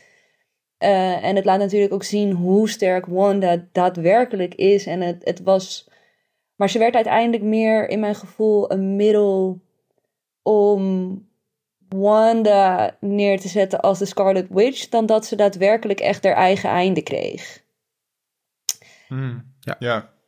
Maar ja. Dat had ik ook wel. En ik had ook eigenlijk gehoopt dat, dat ze dan in plaats van alleen een, als een tegenstander is, dan gewoon is die iemand zit van jij weet niet hoe sterk je bent en ik moet jou stoppen. Nou, daar had je ook een ander soort relatie uit kunnen krijgen. Dat ja. had niet alleen maar soort van als antagonist kunnen zijn, dat had ook veel meer kunnen zijn dat een soort mentor, mentorrol zou Ja. krijgen uh, in, in latere films en series. Dat had ik ook heel erg gehoopt. leuker gelijk. Ik zat, dat zat ik ook. Ik zat ook echt te denken van waarom. Maar ja, het is dan. Het werd dan toch. Blijft het de Wanda Show. Ehm, Ja. En ik had zoiets van. Letterlijk. Ja, waarom, waarom pak je. eh, pak je nu alleen maar het stukje kracht van haar. En niet dat stukje kennis en wijsheid en jarenlang kennis van, van witchcraft. Ehm, het, het leek bijna een soort van trots ding of zo. Van oké, ik ga jou weer klein maken. Je hebt geen idee. Ga maar weer in je vorige rol. Alsof ze zich, alsof Wanda zich ehm, bespeeld voelde. Omdat Agatha natuurlijk gedaan heeft alsof. En dat ze dat dan als een soort van wraak eh, haar dan toch weer terug in die rol plaatst. Zo, ik denk het had, ze had zoveel meer kunnen zijn in, voor Wanda. Ja, ik vond dat, wat ik daar zo, want ik vond het juist wel een fijn einde, omdat, kijk, dit is natuurlijk nooit het einde van Agatha Harkness, dat lijkt me wel duidelijk. Ehm, maar ik vond het vooral zo interessant, omdat het zo goed werd opge, voor mij werd opgebouwd met ook het feit dat, eh, hoewel Agatha heel wijs en dingen is, ehm, is Agatha ook ehm, slachtoffer van haar eigen eh, eh, hebzucht en van haar eigen macht naar meer. Iets wat ze, wat als we het begin, als we Agatha ontmoeten in die flashback, heeft ze dat nog niet helemaal onder controle. En, en eh, lijkt het eigenlijk er wel op alsof de kracht in haar ook haar als persoon en haar eigen geweten opvreet. Hè? Maar op dit moment is ze echt wel zo manipulatief dat ze, dat ze niet meer anders kan. En dat dat dus de hoogmoed komt voor de val. En dat dat dus dit haar straf is. Omdat ze had dus inderdaad de originele rol die Agatha heeft in de, eh, in de comics. Hè? Veel meer de mentor, de zorgende rol, de moederrol, het helpen van Wanda. dat kon ze niet meer, omdat ze zo hebzuchtig is en eigenlijk altijd maar gewoon, ja, al die krachten wil absorberen. dus ik vond, het, ik vond het juist wel goed gedaan. Ja, en een fantastische actrice, hè? laten we dat niet uh, Ja, zeker. Ja. De, dat, uh... Catherine, Catherine Hahn is zo ontzettend goed. En, en, en uh, ik was oprecht dan alsnog door de verbaasd dat ze ook gewoon qua dramatische stukken het echt wel heel erg goed speelde. Mm -hmm. Uh, dus hoop ik echt wel dat we die vrouw nog vaker terug gaan zien in MCU. Zeker, dat, hoop ik ook. Ja, ik, ik wil zelf uh, nog heel even stilstaan bij Billy en Tommy. We hebben het net al wel heel even uh, genoemd. Um, die natuurlijk een beetje een rare rol hebben in dit verhaal. ze beginnen als baby en een paar uur later zijn ze, zijn ze tien jaar oud. Um, en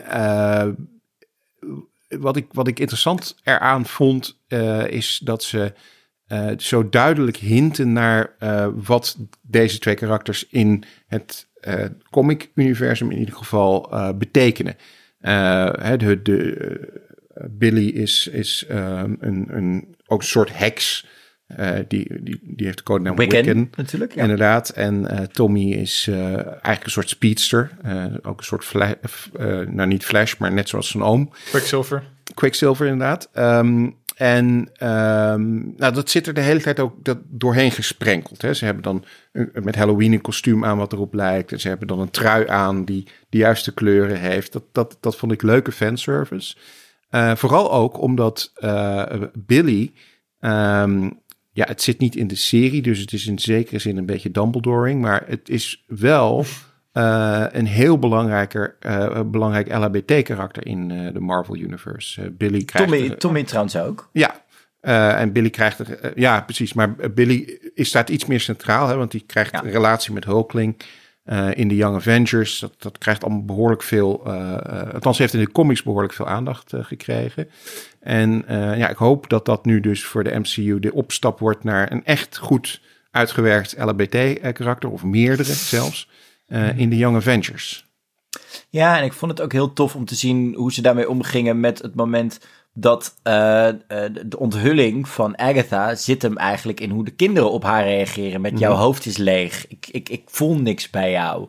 Mm. Um, en dat vond ik heel goed gedaan in die zin, dat dat er heel goed in zat. Ja. Maar bestaan ze nou echt of niet, die kinderen? mijn, ver mijn vermoeden is oprecht dat zij ze in een ander multiverse hoort. Want we, Mhm. dat is natuurlijk wel een belangrijke wat we gezien hebben in die commercials. De commercials sloegen allemaal op iets van Wanda. En uh, ik denk dat dit zo'n diepere laag is waar, waar we het eerder over hadden. Hè? Waar Louise het ook over had. Dat de Nexus is een, uh, natuurlijk een persoon die in alle multiverses, dus in alle universa, hetzelfde is. Hm. Dat is Wanda natuurlijk ook. Um, dus mijn vermoeden is, is dat dat daarmee te maken gaat hebben. En dat we dus inderdaad straks uh, ervoor gaan zorgen dat uh, Wiccan en Speed deze MCU binnenkomen via uh, iets met Doctor Strange en dat soort dingen. Ja, ja want laten we daar maar meteen naar doorgaan. The Multiverse of Madness. het is sowieso een fantastische titel natuurlijk. Um, mm -hmm. Doctor Strange, Multiverse of Madness. Wat zijn onze verwachtingen?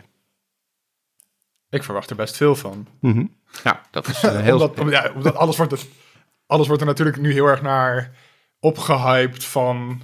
Ja, dan komt eindelijk de multiverse erin. En de multiverse betekent natuurlijk dat praktisch alles mogelijk wordt vanaf dat moment. Echt alles kan dan ineens. Dan wordt het hele Marvel-universum opengebroken. En ik ben daar wel heel benieuwd naar. Dus als ze eigenlijk onbeperkte opties hebben, wat ze dan gaan kiezen om te gaan doen. Mm -hmm. Want we zitten nu al zo lang in het MCU en het is allemaal best wel eenheidsworst ondertussen, heb ik het idee. Gewoon, uh, um, we kennen het ondertussen wel.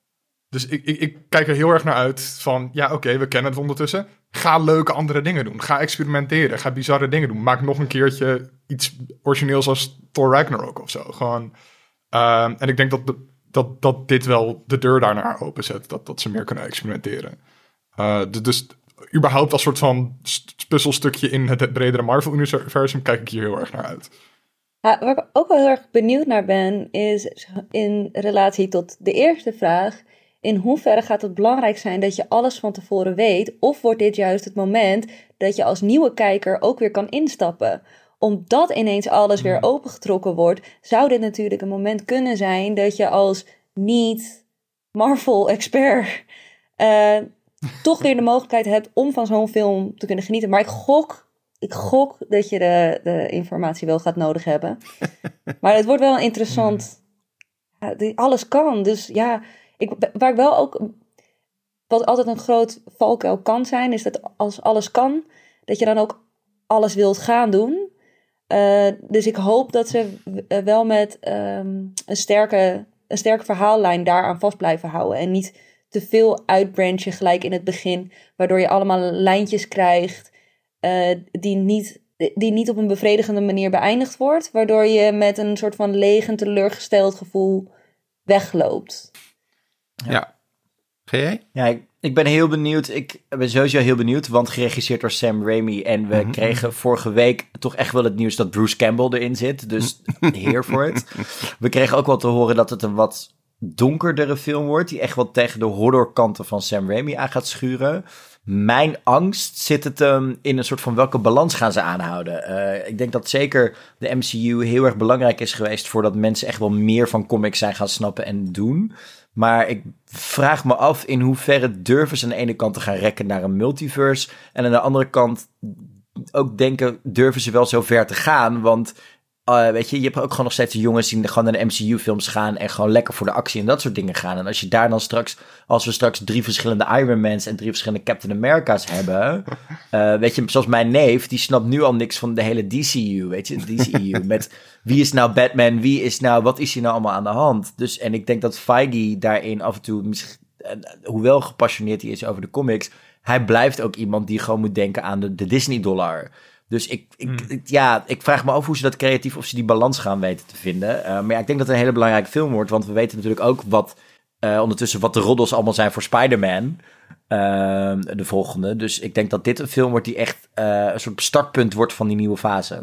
Ja, dat denk ik ook. En ik denk dat de, het succes van Spider-Man Into the Spider-Verse, Miles Morales, de, de, de animatiefilm, ehm, dat dat um, misschien een signaal is voor wat we gaan krijgen. Hè? Want Spider-Man into Spider-Verse is eigenlijk al de eerste stap in, uh, in een soort multiverse uh, uh, verhaalvertel stijl. Weliswaar nog officieel onder Sony, maar goed. Um, en wat je daar zag, hè, is dat er verschillende Spider-Mannen, mannen, spinnenmannen, weet ik veel hoe je het noemt, Spider-Mans, uit allerlei verschillende universa samenkwamen en in één verhaal gingen optreden. En wat je nu wel hoort over Spider-Man No Way Home, is dat daarin Tobey Maguire, um, nou ik ben even de naam van die andere jongen kwijt, die Spider-Man... Andrew Garfield. Precies, Andrew Garfield. Uh, maar ook uh, Andrew uh, Molina en, en andere villains uit eerdere Spider-Man-series uh, samen gaan komen. En dan, dat, dat, dat wordt dus een Spider-Verse-achtige film. Um, en uh, dat vind ik, vind ik heel interessant. Ik hoop dat het niet een soort herhaling van Spider-Verse wordt, want dat zou een beetje zonde zijn natuurlijk. Mhm. Maar uh, ik ben wel heel benieuwd hoe ze dat gaan doen. En ja, we kregen het niet in, in, in WandaVision, maar het, het zou toch wel ondertussen dan een keer het moment zijn om de X-Men het, het universum in te halen in, in een van deze films. Denk ik. Denken jullie dat het zo vroeg gaat gebeuren, ja? Hints misschien? Ik denk... Uh, nee, ik, denk... Ik, Ja, mijn vermoeden is als je een beetje kijkt naar wat Feige zei tijdens de Investors Day. Hè, uh, Fantastic Four is nu aangekondigd mhm. als film. En dat, dat hij blijft zeggen, ja, over de X-Men zijn we nog aan het nadenken wanneer en hoe we dat gaan doen. Ik heb uh, daarin eigenlijk wel een soort van het vermoeden dat, dat ze verder zijn met Fantastic Four. Waar natuurlijk nu rond WandaVision ook wel de theorieën gingen dat we misschien John Reed al te zien zouden gaan krijgen. Ehm, dus ik denk dat hij daar verder mee is. En dat, dat mijn vermoeden eigenlijk is dat hij de X-Men ook nog even laat. Omdat hij dan misschien wel meer kansen ziet met bijvoorbeeld een Deadpool. Waarbij je echt ja. nog wel ook de, de, de, de spot kan drijven met juist wat uh, op dat moment, als we een multiverse hebben, kun je daar de spot drijven. Dan stel je voor dat letterlijk, hè, we houden het universum zoals het is. Alleen Doctor Strange doet het. En aan het einde van de laatste, de derde Deadpool zegt Deadpool: Weet je wat Doctor Strange kan, kan ik ook. En die gooit gewoon in één keer, zonder dat hij als een soort meta-ding, gooit hij Xavier in een ander universum neer. Zo van: Ga nou maar eens hier zitten. En dan gewoon letterlijk: mhm. Succes, succes Disney. Weet je, en dan is het, dan is het zo. Daar zou je denk ik veel meer mee wegkomen. Omdat je anders gewoon veel meer moet gaan, moet gaan uitleggen over uh, mutanten. En ik denk omdat er nog steeds een aantal dingen zijn ingebouwd in de MCU. Waarbij je heel erg gaat schuren tegen de mutants. Uh, en dingen die met mutants te maken hebben. En belangrijke verhalen uit X-Men. Ja, misschien. Ja, maar ik denk ook niet dat ze echt. Uh, oh, ja, oh, nou ja, het enige, misschien dat ze meer dingen zoals. Um, wat in WandaVision zat met bijvoorbeeld hints. Zoals zo'n goocheltruc die dan terugkoppelt. Zo'n kaarttruc die terugkoppelt naar een andere film. Of een logo hier en daar. Of misschien um, uh, namen of acteurs die dan inderdaad er toch in zitten. Uh, maar misschien inderdaad het introduceren van de X-Men als X-Men zou misschien te vroeg zijn. Ja, ik denk ook, eigenlijk verwacht ik niet dat we de X-Men krijgen zoals we die natuurlijk bij Fox gezien hebben. Ik denk wel dat uh, ze echt hun eigen ding gaan doen. We gaan niet in Hugh Jackman uh, um, rond zien lopen in, in, in deze versie van de MCU, denk ik. Hoe leuk dat, zou zijn, ook dat, hoe leuk dat ook zou zijn. Ja, nou, ik denk dat we Hugh Jackman wel gaan zien op enig moment. Maar of dat als Wolverine is, dat, dat weet ik niet.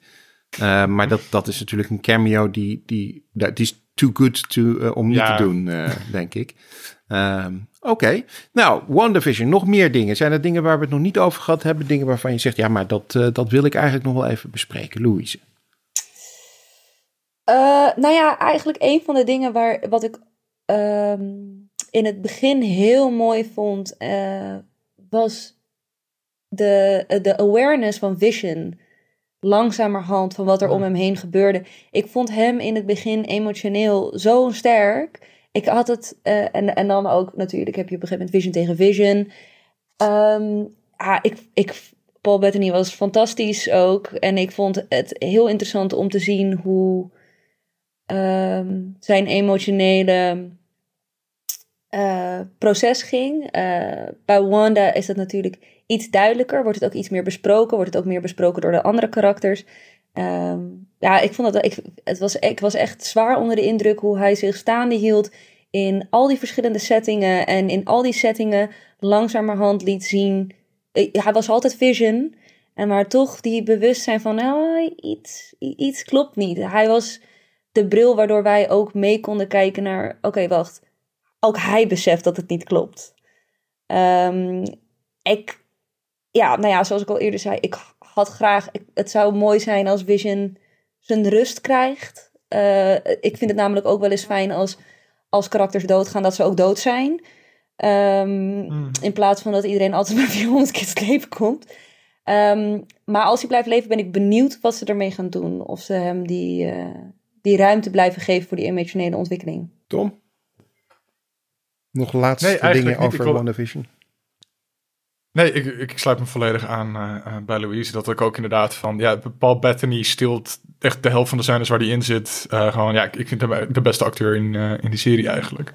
Um, dus dat is niks dan of. Ja, en GJ, nog dingen waarvan jij zegt van dat hebben nee, we gemist? Ik vond het, ik vond het jammer dat we uh, het einde tussen Wanda en wat ze dan uh, zeg maar Soul Vision noemen, mm -hmm. hè, de nieuwe witte visie. Omdat in de comics is dit een soort van een hele belangrijke katalysator voor haar. Omdat zij ja. doorheeft dat hij wel er nog is met dezelfde herinneringen. Maar hij heeft niet meer het gevoel voor haar. En dat zij daar heel erg mee zit van oké, je bent er nog en je hebt alle herinneringen van ons. En daar gingen we natuurlijk heen met deze uh, uh, storyline, met dat gesprek aan het einde over de Ship of Thesis.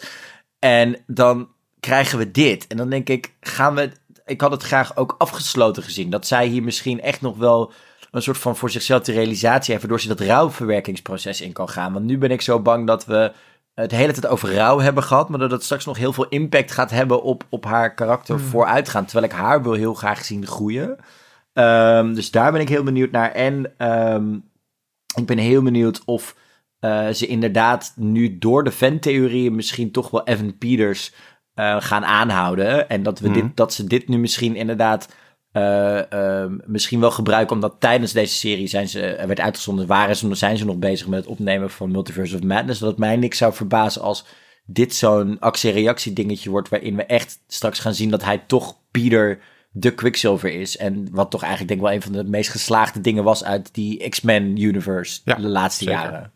Zeker, ja. Uh, Overigens ook een heel leuk grapje wat erin uh, in verwerkt was. Want de twee acteurs die uh, Pietro en Peter uh, Maximoff hebben gespeeld... zaten ook allebei in Kick-Ass. En mm -hmm. dat is natuurlijk wat Wanda op een gegeven moment zegt als hij wegloopt. Kick-Ass. Dus dat, dat, zijn wel dingetjes waar ik van kan genieten. het is wel heel obvious, maar ik hou er wel van. Ja, oké. Okay. Nou, dan sluiten we ons gesprek over WandaVision af. En dan gaan we denk ik allemaal enorm uitkijken naar wat er nog uh, uh, komen gaat. En dat komt goed uit, want uh, we gaan het hebben over onze vooruitblik. In a world. In a world. World. World. World. In a world. En dan gaan we dus inderdaad nu door naar wat we, waar we altijd mee afsluiten. En dat is onze vooruitblik. Wat valt er in deze tijden van lockdown nog uh, om, wat is er nog om naar uit te kijken in deze, deze tijden? Volgens mij is dat best veel. En Louise mag beginnen. Ik vond het een hele lastige, uh, deze vooruitblik. omdat er niet concreet iets in de nabije toekomst is waar ik op dit moment bewust van ben en me heel erg op verheug.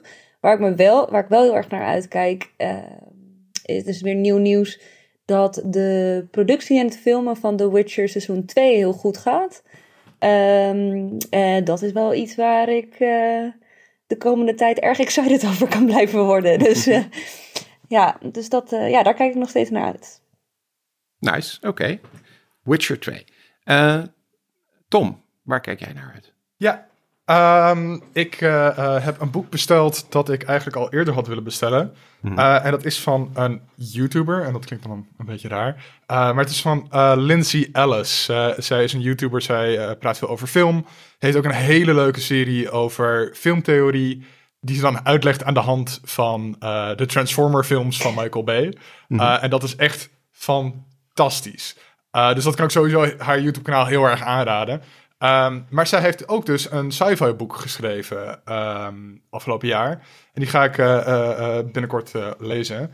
en dat is een soort first contact film die ook een period piece is van 2007. Dus dat is hele recente geschiedenis, maar zij heeft dus helemaal een soort van echt, echt haar best gedaan om alles in die tijd te situeren, alle popculturele referenties uit die tijd te situeren. en ik was toen 14, dus ik, ik zal daar heel veel uit terug herkennen natuurlijk. Dat, wordt een, stukje nostalgie. Um, en uh, uh, ik ben gewoon heel benieuwd naar wat, wat zij er dan van maakt. Het krijgt hele goede recensies. Dus ik ben heel Axioms End. Uh, het, het, boek heet Axioms ja. End trouwens. Ja, dat had ik misschien even moeten zeggen. Axioms End van Lindsay Ellis. Oké, okay, spannend. GJ, waar kijk jij naar uit? Oeh, ik moest wel even een soort van keuzes maken. Want ik heb ontzettend veel waar ik zeker naar uitkijk. Je mag ook meer dan de... twee dingen noemen voor mij hoor. Laten we beginnen. De Oscar-nominaties. Ja. 15 maart komen ze uit. Uh, ik zit vooral stiekem zelf te hopen dat uh, uh, Eurovision Story of Fire Saga, de, de, de, de het ja. liedje daaruit is, is, zet daar nu op de shortlist. Ik hoop dat ze mm -hmm. er zeker bij zitten, omdat het gewoon een hele mooie is om weer een keer zo'n comedyfilm waar een goed liedje in zit ook daartussen te zien staan. Waar ik ook nog heel erg naar uitkijk is om komende week zelf Raya and the Last Dragon te gaan kijken. Ja. Moet je wel betalen. Echt, uh, dat uh, ga ik zeker doen. ik uh, ben heel benieuwd om hem, om, om hem te zien, omdat hij heel veel lovende recensies krijgt in die zin. Dus daar ben ik heel ja, benieuwd naar. Voor de, voor de luisteraars, hij staat dus op Disney Plus. En dit is zo'n film van het nieuwe kijken, zeg maar. Waarbij hij staat op Disney Plus. Uh, maar zelfs als je een abonnement hebt, moet je nog even uh, ietsjes extra betalen, omdat die uh, gewoon nieuw is. En, en, 20 en ja, euro of zo, toch? Bioscoop. 22, ja, 21 best... euro 99 cent. Ik heb het gisteren nog gezien. Ik was in shock. Uh, tip, tip, tip wat dat betreft. Wij delen met een aantal vrienden een, een Disney Plus account. Hè. Je kan meerdere profielen hebben. Hmm. En wij hebben dus ook, net als met de, alsof de bioscoopkaartje was, allemaal een paar euro ingelegd. En zo kun je dus ah, ook met meerdere. Want je kan hem dus ook op alle profielen binnen één account zien. Ah, dat is cool. Dus zo zou je nog uh, een soort van, dan kost het je 5, 6 euro met een aantal nice. vrienden. En dan kun je hem nog steeds kijken. En als laatste kijk ik ontzettend uit naar een documentaire van HBO die eraan komt over het leven van Tina Turner. Um, die komt er ook aan en uh, zij is natuurlijk bewust in 2008 gestopt met optreden en heeft genoeg meegemaakt. En dit schijnt wel een echt rauw, mooie HBO-documentaire te worden. Dus daar kijk ik ook heel erg naar uit. Cool. cool. Ik heb het geluk gehad om haar ooit live in concert te zien. Uh, en dat was een ervaring, dus ik ben benieuwd. Dat, die, die, ervaring heb ik ook. Ik moet je zeggen, dat was 2008 in het Gelredome. En ik heb nog wel trauma. ik heb nog wel trauma's, want toen heeft ze een, een pruik op waarin ze de, de Mad Max look probeert te doen. Maar die pruik was niet heel goed. nee, dat is waar. Dat heb je helemaal gelijk in. maar het was wel, het was wel cool. Um, nou, uh, ik kijk zelf uit naar uh, één ding wat echt super, super geeky is. Uh, en waar waarschijnlijk de luisteraars nu meteen van denken, die, die, die zit niet eens helemaal gestoord. en dat heet Build the Enterprise. Um, je hebt een aantal bedrijven. De bekendste is De Agostini. die maken hele dure tijdschriften. Maar je krijgt een tijdschrift en dan zit er dan een onderdeel bij. En als je al die tijdschriften koopt, dan kun je samen met die onderdelen kun je iets bouwen. Is uh, vaak ophef over. Ze hebben het een keer gedaan met dat je een uh, uh, soort, soort cutaway lichaam kon bouwen. Hè, een soort medisch, medische tool waar je dan kon zien hoe het lichaam eruit zag. Nou, dat vonden heel veel kinderen heel erg leuk. Maar als je dat allemaal uh, bij elkaar zou willen kopen en het hele lichaam zou willen bouwen, dan was je geloof ik iets van 800 euro uh, kwijt. En daar waren de meeste ouders. ja, zeg maar. Is er ook niet een versie geweest met neon dinosaurus uh, skeletten? Die yes. heb ik volgens mij heel lang verzameld. Ja, klopt, klopt. Nou, dat, dat soort boekjes inderdaad. maar dat is dus in die zin. In zekere zin is het oplichting, want je bent ontzettend veel geld kwijt als je het uiteindelijk wil bouwen. Maar tegelijkertijd is het ook wel weer leuk. En uh, ze hebben de laatste tijd een aantal dingen uh, uitgebracht uh, die voor geeks wel interessant zijn. Uh, een paar jaar geleden hebben ze de Millennium Falcon uitgegeven op studio scale. Dus dan heb je het echt over een ding van bijna twee meter groot. Wat je dan met 100 issues uiteindelijk bouwt. En omdat het ding zo groot en zo gedetailleerd was, viel de prijsverhouding nog best mee. Want je was in totaal dan inderdaad wel 1000 euro kwijt. Maar goed, als je zo'n ding zou willen kopen, dan ben je ook 1000 euro kwijt. Dus dat, uh, dat viel dan nog wel mee. Ze hebben het gedaan met een X-Wing. Dat was een enorme tegenvaller, want uh, dat functioneerde voor geen meter. Het paste allemaal niet en daar waren mensen heel boos over. Ze doen het met de Ecto One van de Ghostbusters. En ze gaan het nu dus ook doen met de Enterprise D uit Star Trek The Next Generation. Wordt ook uh, anderhalve meter groot, dat ding.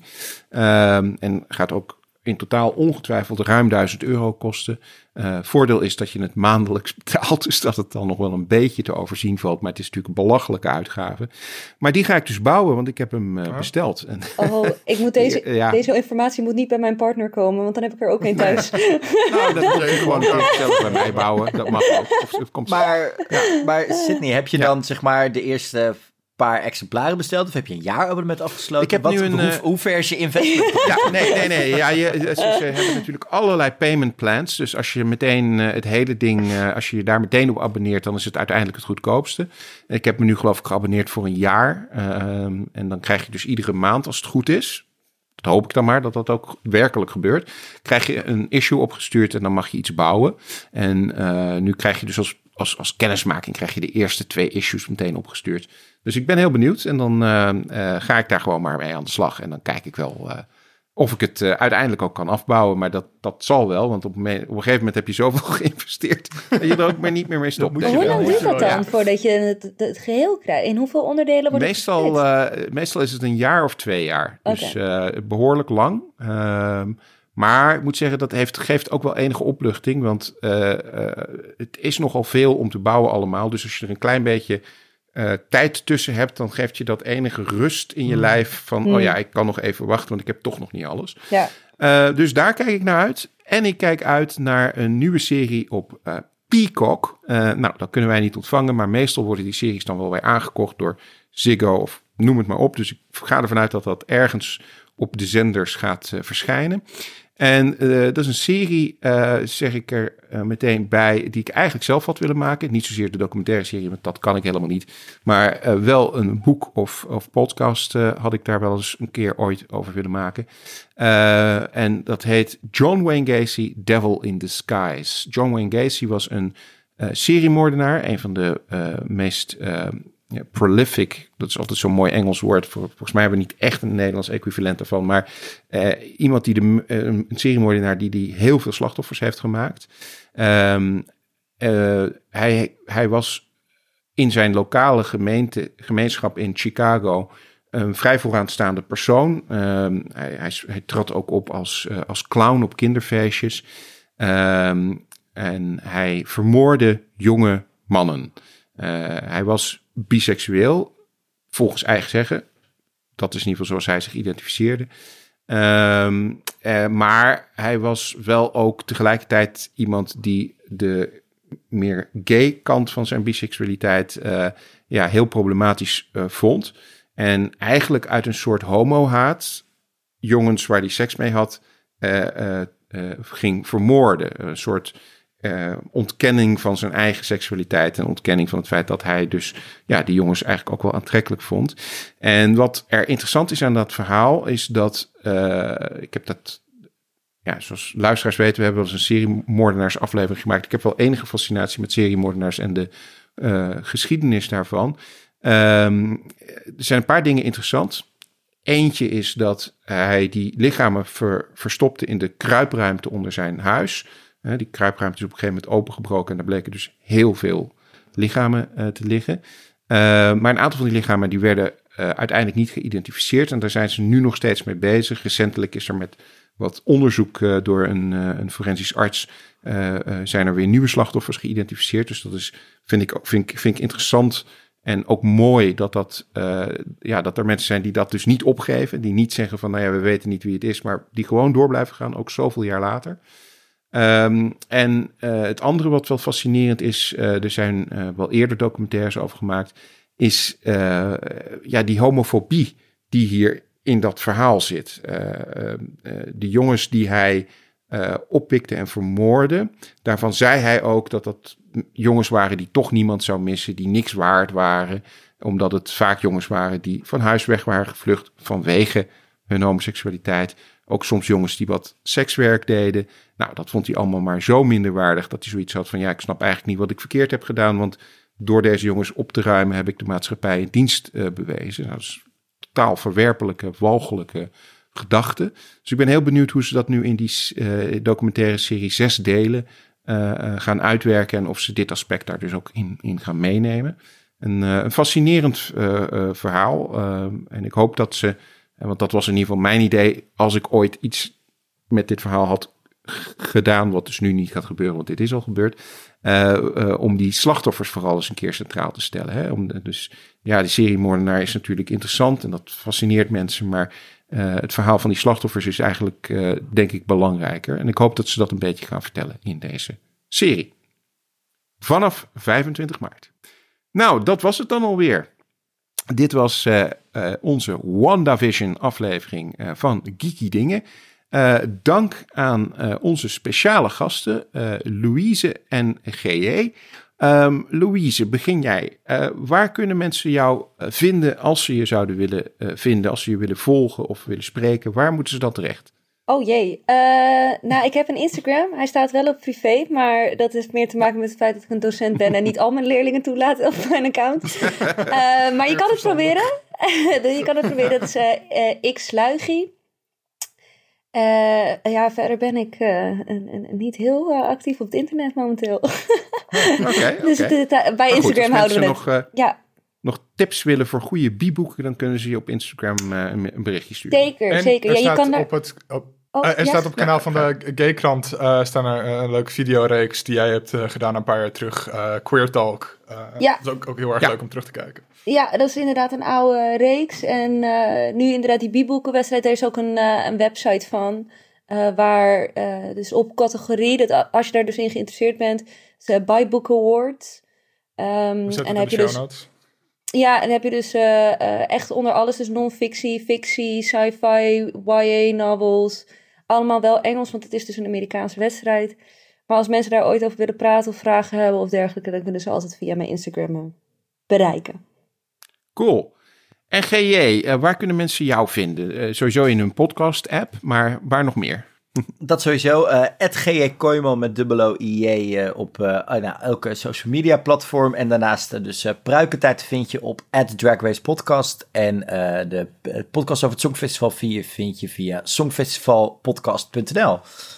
Cool. Nou, gaat allen luisteren. Eh, heel erg bedankt dat jullie er waren. Eh, Tom uiteraard ook, dat hij er was. Graag gedaan. En Jij ook eh, de bedankt. groeten... Ja, groeten aan Linda, mocht ze dit luisteren. Ga ik wel vanuit, een beetje, stiekem. Ehm, en uiteraard ook heel veel dank aan mensen die ons eh, helpen deze podcast te maken. Onze patrons, eh, onze vrienden van de show. Ik gooi ze allemaal eh, door elkaar en Tom gaat mij vast corrigeren als ik het fout doe. Maar in ieder geval hebben, hebben we patrons Mark de Groot en Rona Bosman. En, En we hebben Edwin. Edwin, die is ook patron of vriend van de show? Ook Patreon. Ook patron, zie je? Dat- Ik gooi dat allemaal door elkaar. Maar goed, je kunt dus ook nog vriend van de show eh, worden of patron. En daarmee help je ons om de podcast te maken en te blijven maken. Eh, eh, dus mocht je dat willen, zoek ons op. We zeggen normaal gesproken, als het niet al te corona-technisch ingewikkeld is, mag je ons, als je op ons op straat tegenkomt, ook altijd geld toegooien. Geen enkel probleem. Ehm, en eh, eh, eh, vertel vooral tegen je vrienden, kennissen, familie dat ze ons kunnen beluisteren als ze ook een beetje geeky zijn of gewoon het leuk vinden om af en toe wat te horen over populaire cultuur. Ehm, en zo maak je andere mensen gelukkig en ons ook, want hoe meer mensen luisteren, hoe beter.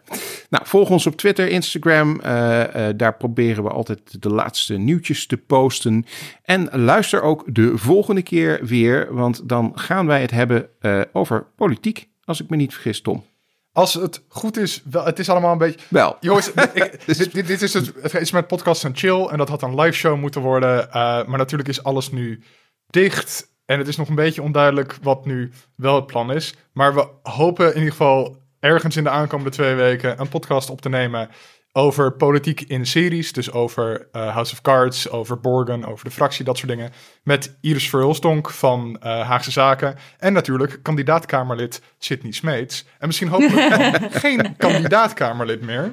Eh, want Ja. je kan natuurlijk over twee dagen of drie dagen op hem stemmen. nou, dat, dat mag iedereen doen, maar tegen de tijd dat jullie dit horen, is het al geweest. Maar dat maakt niet uit. Eh, God. Dus laten we dan in Borgen-style eh, afsluiten. Tak allemaal en eh, tot de volgende keer. Dit was Geeky Dingen.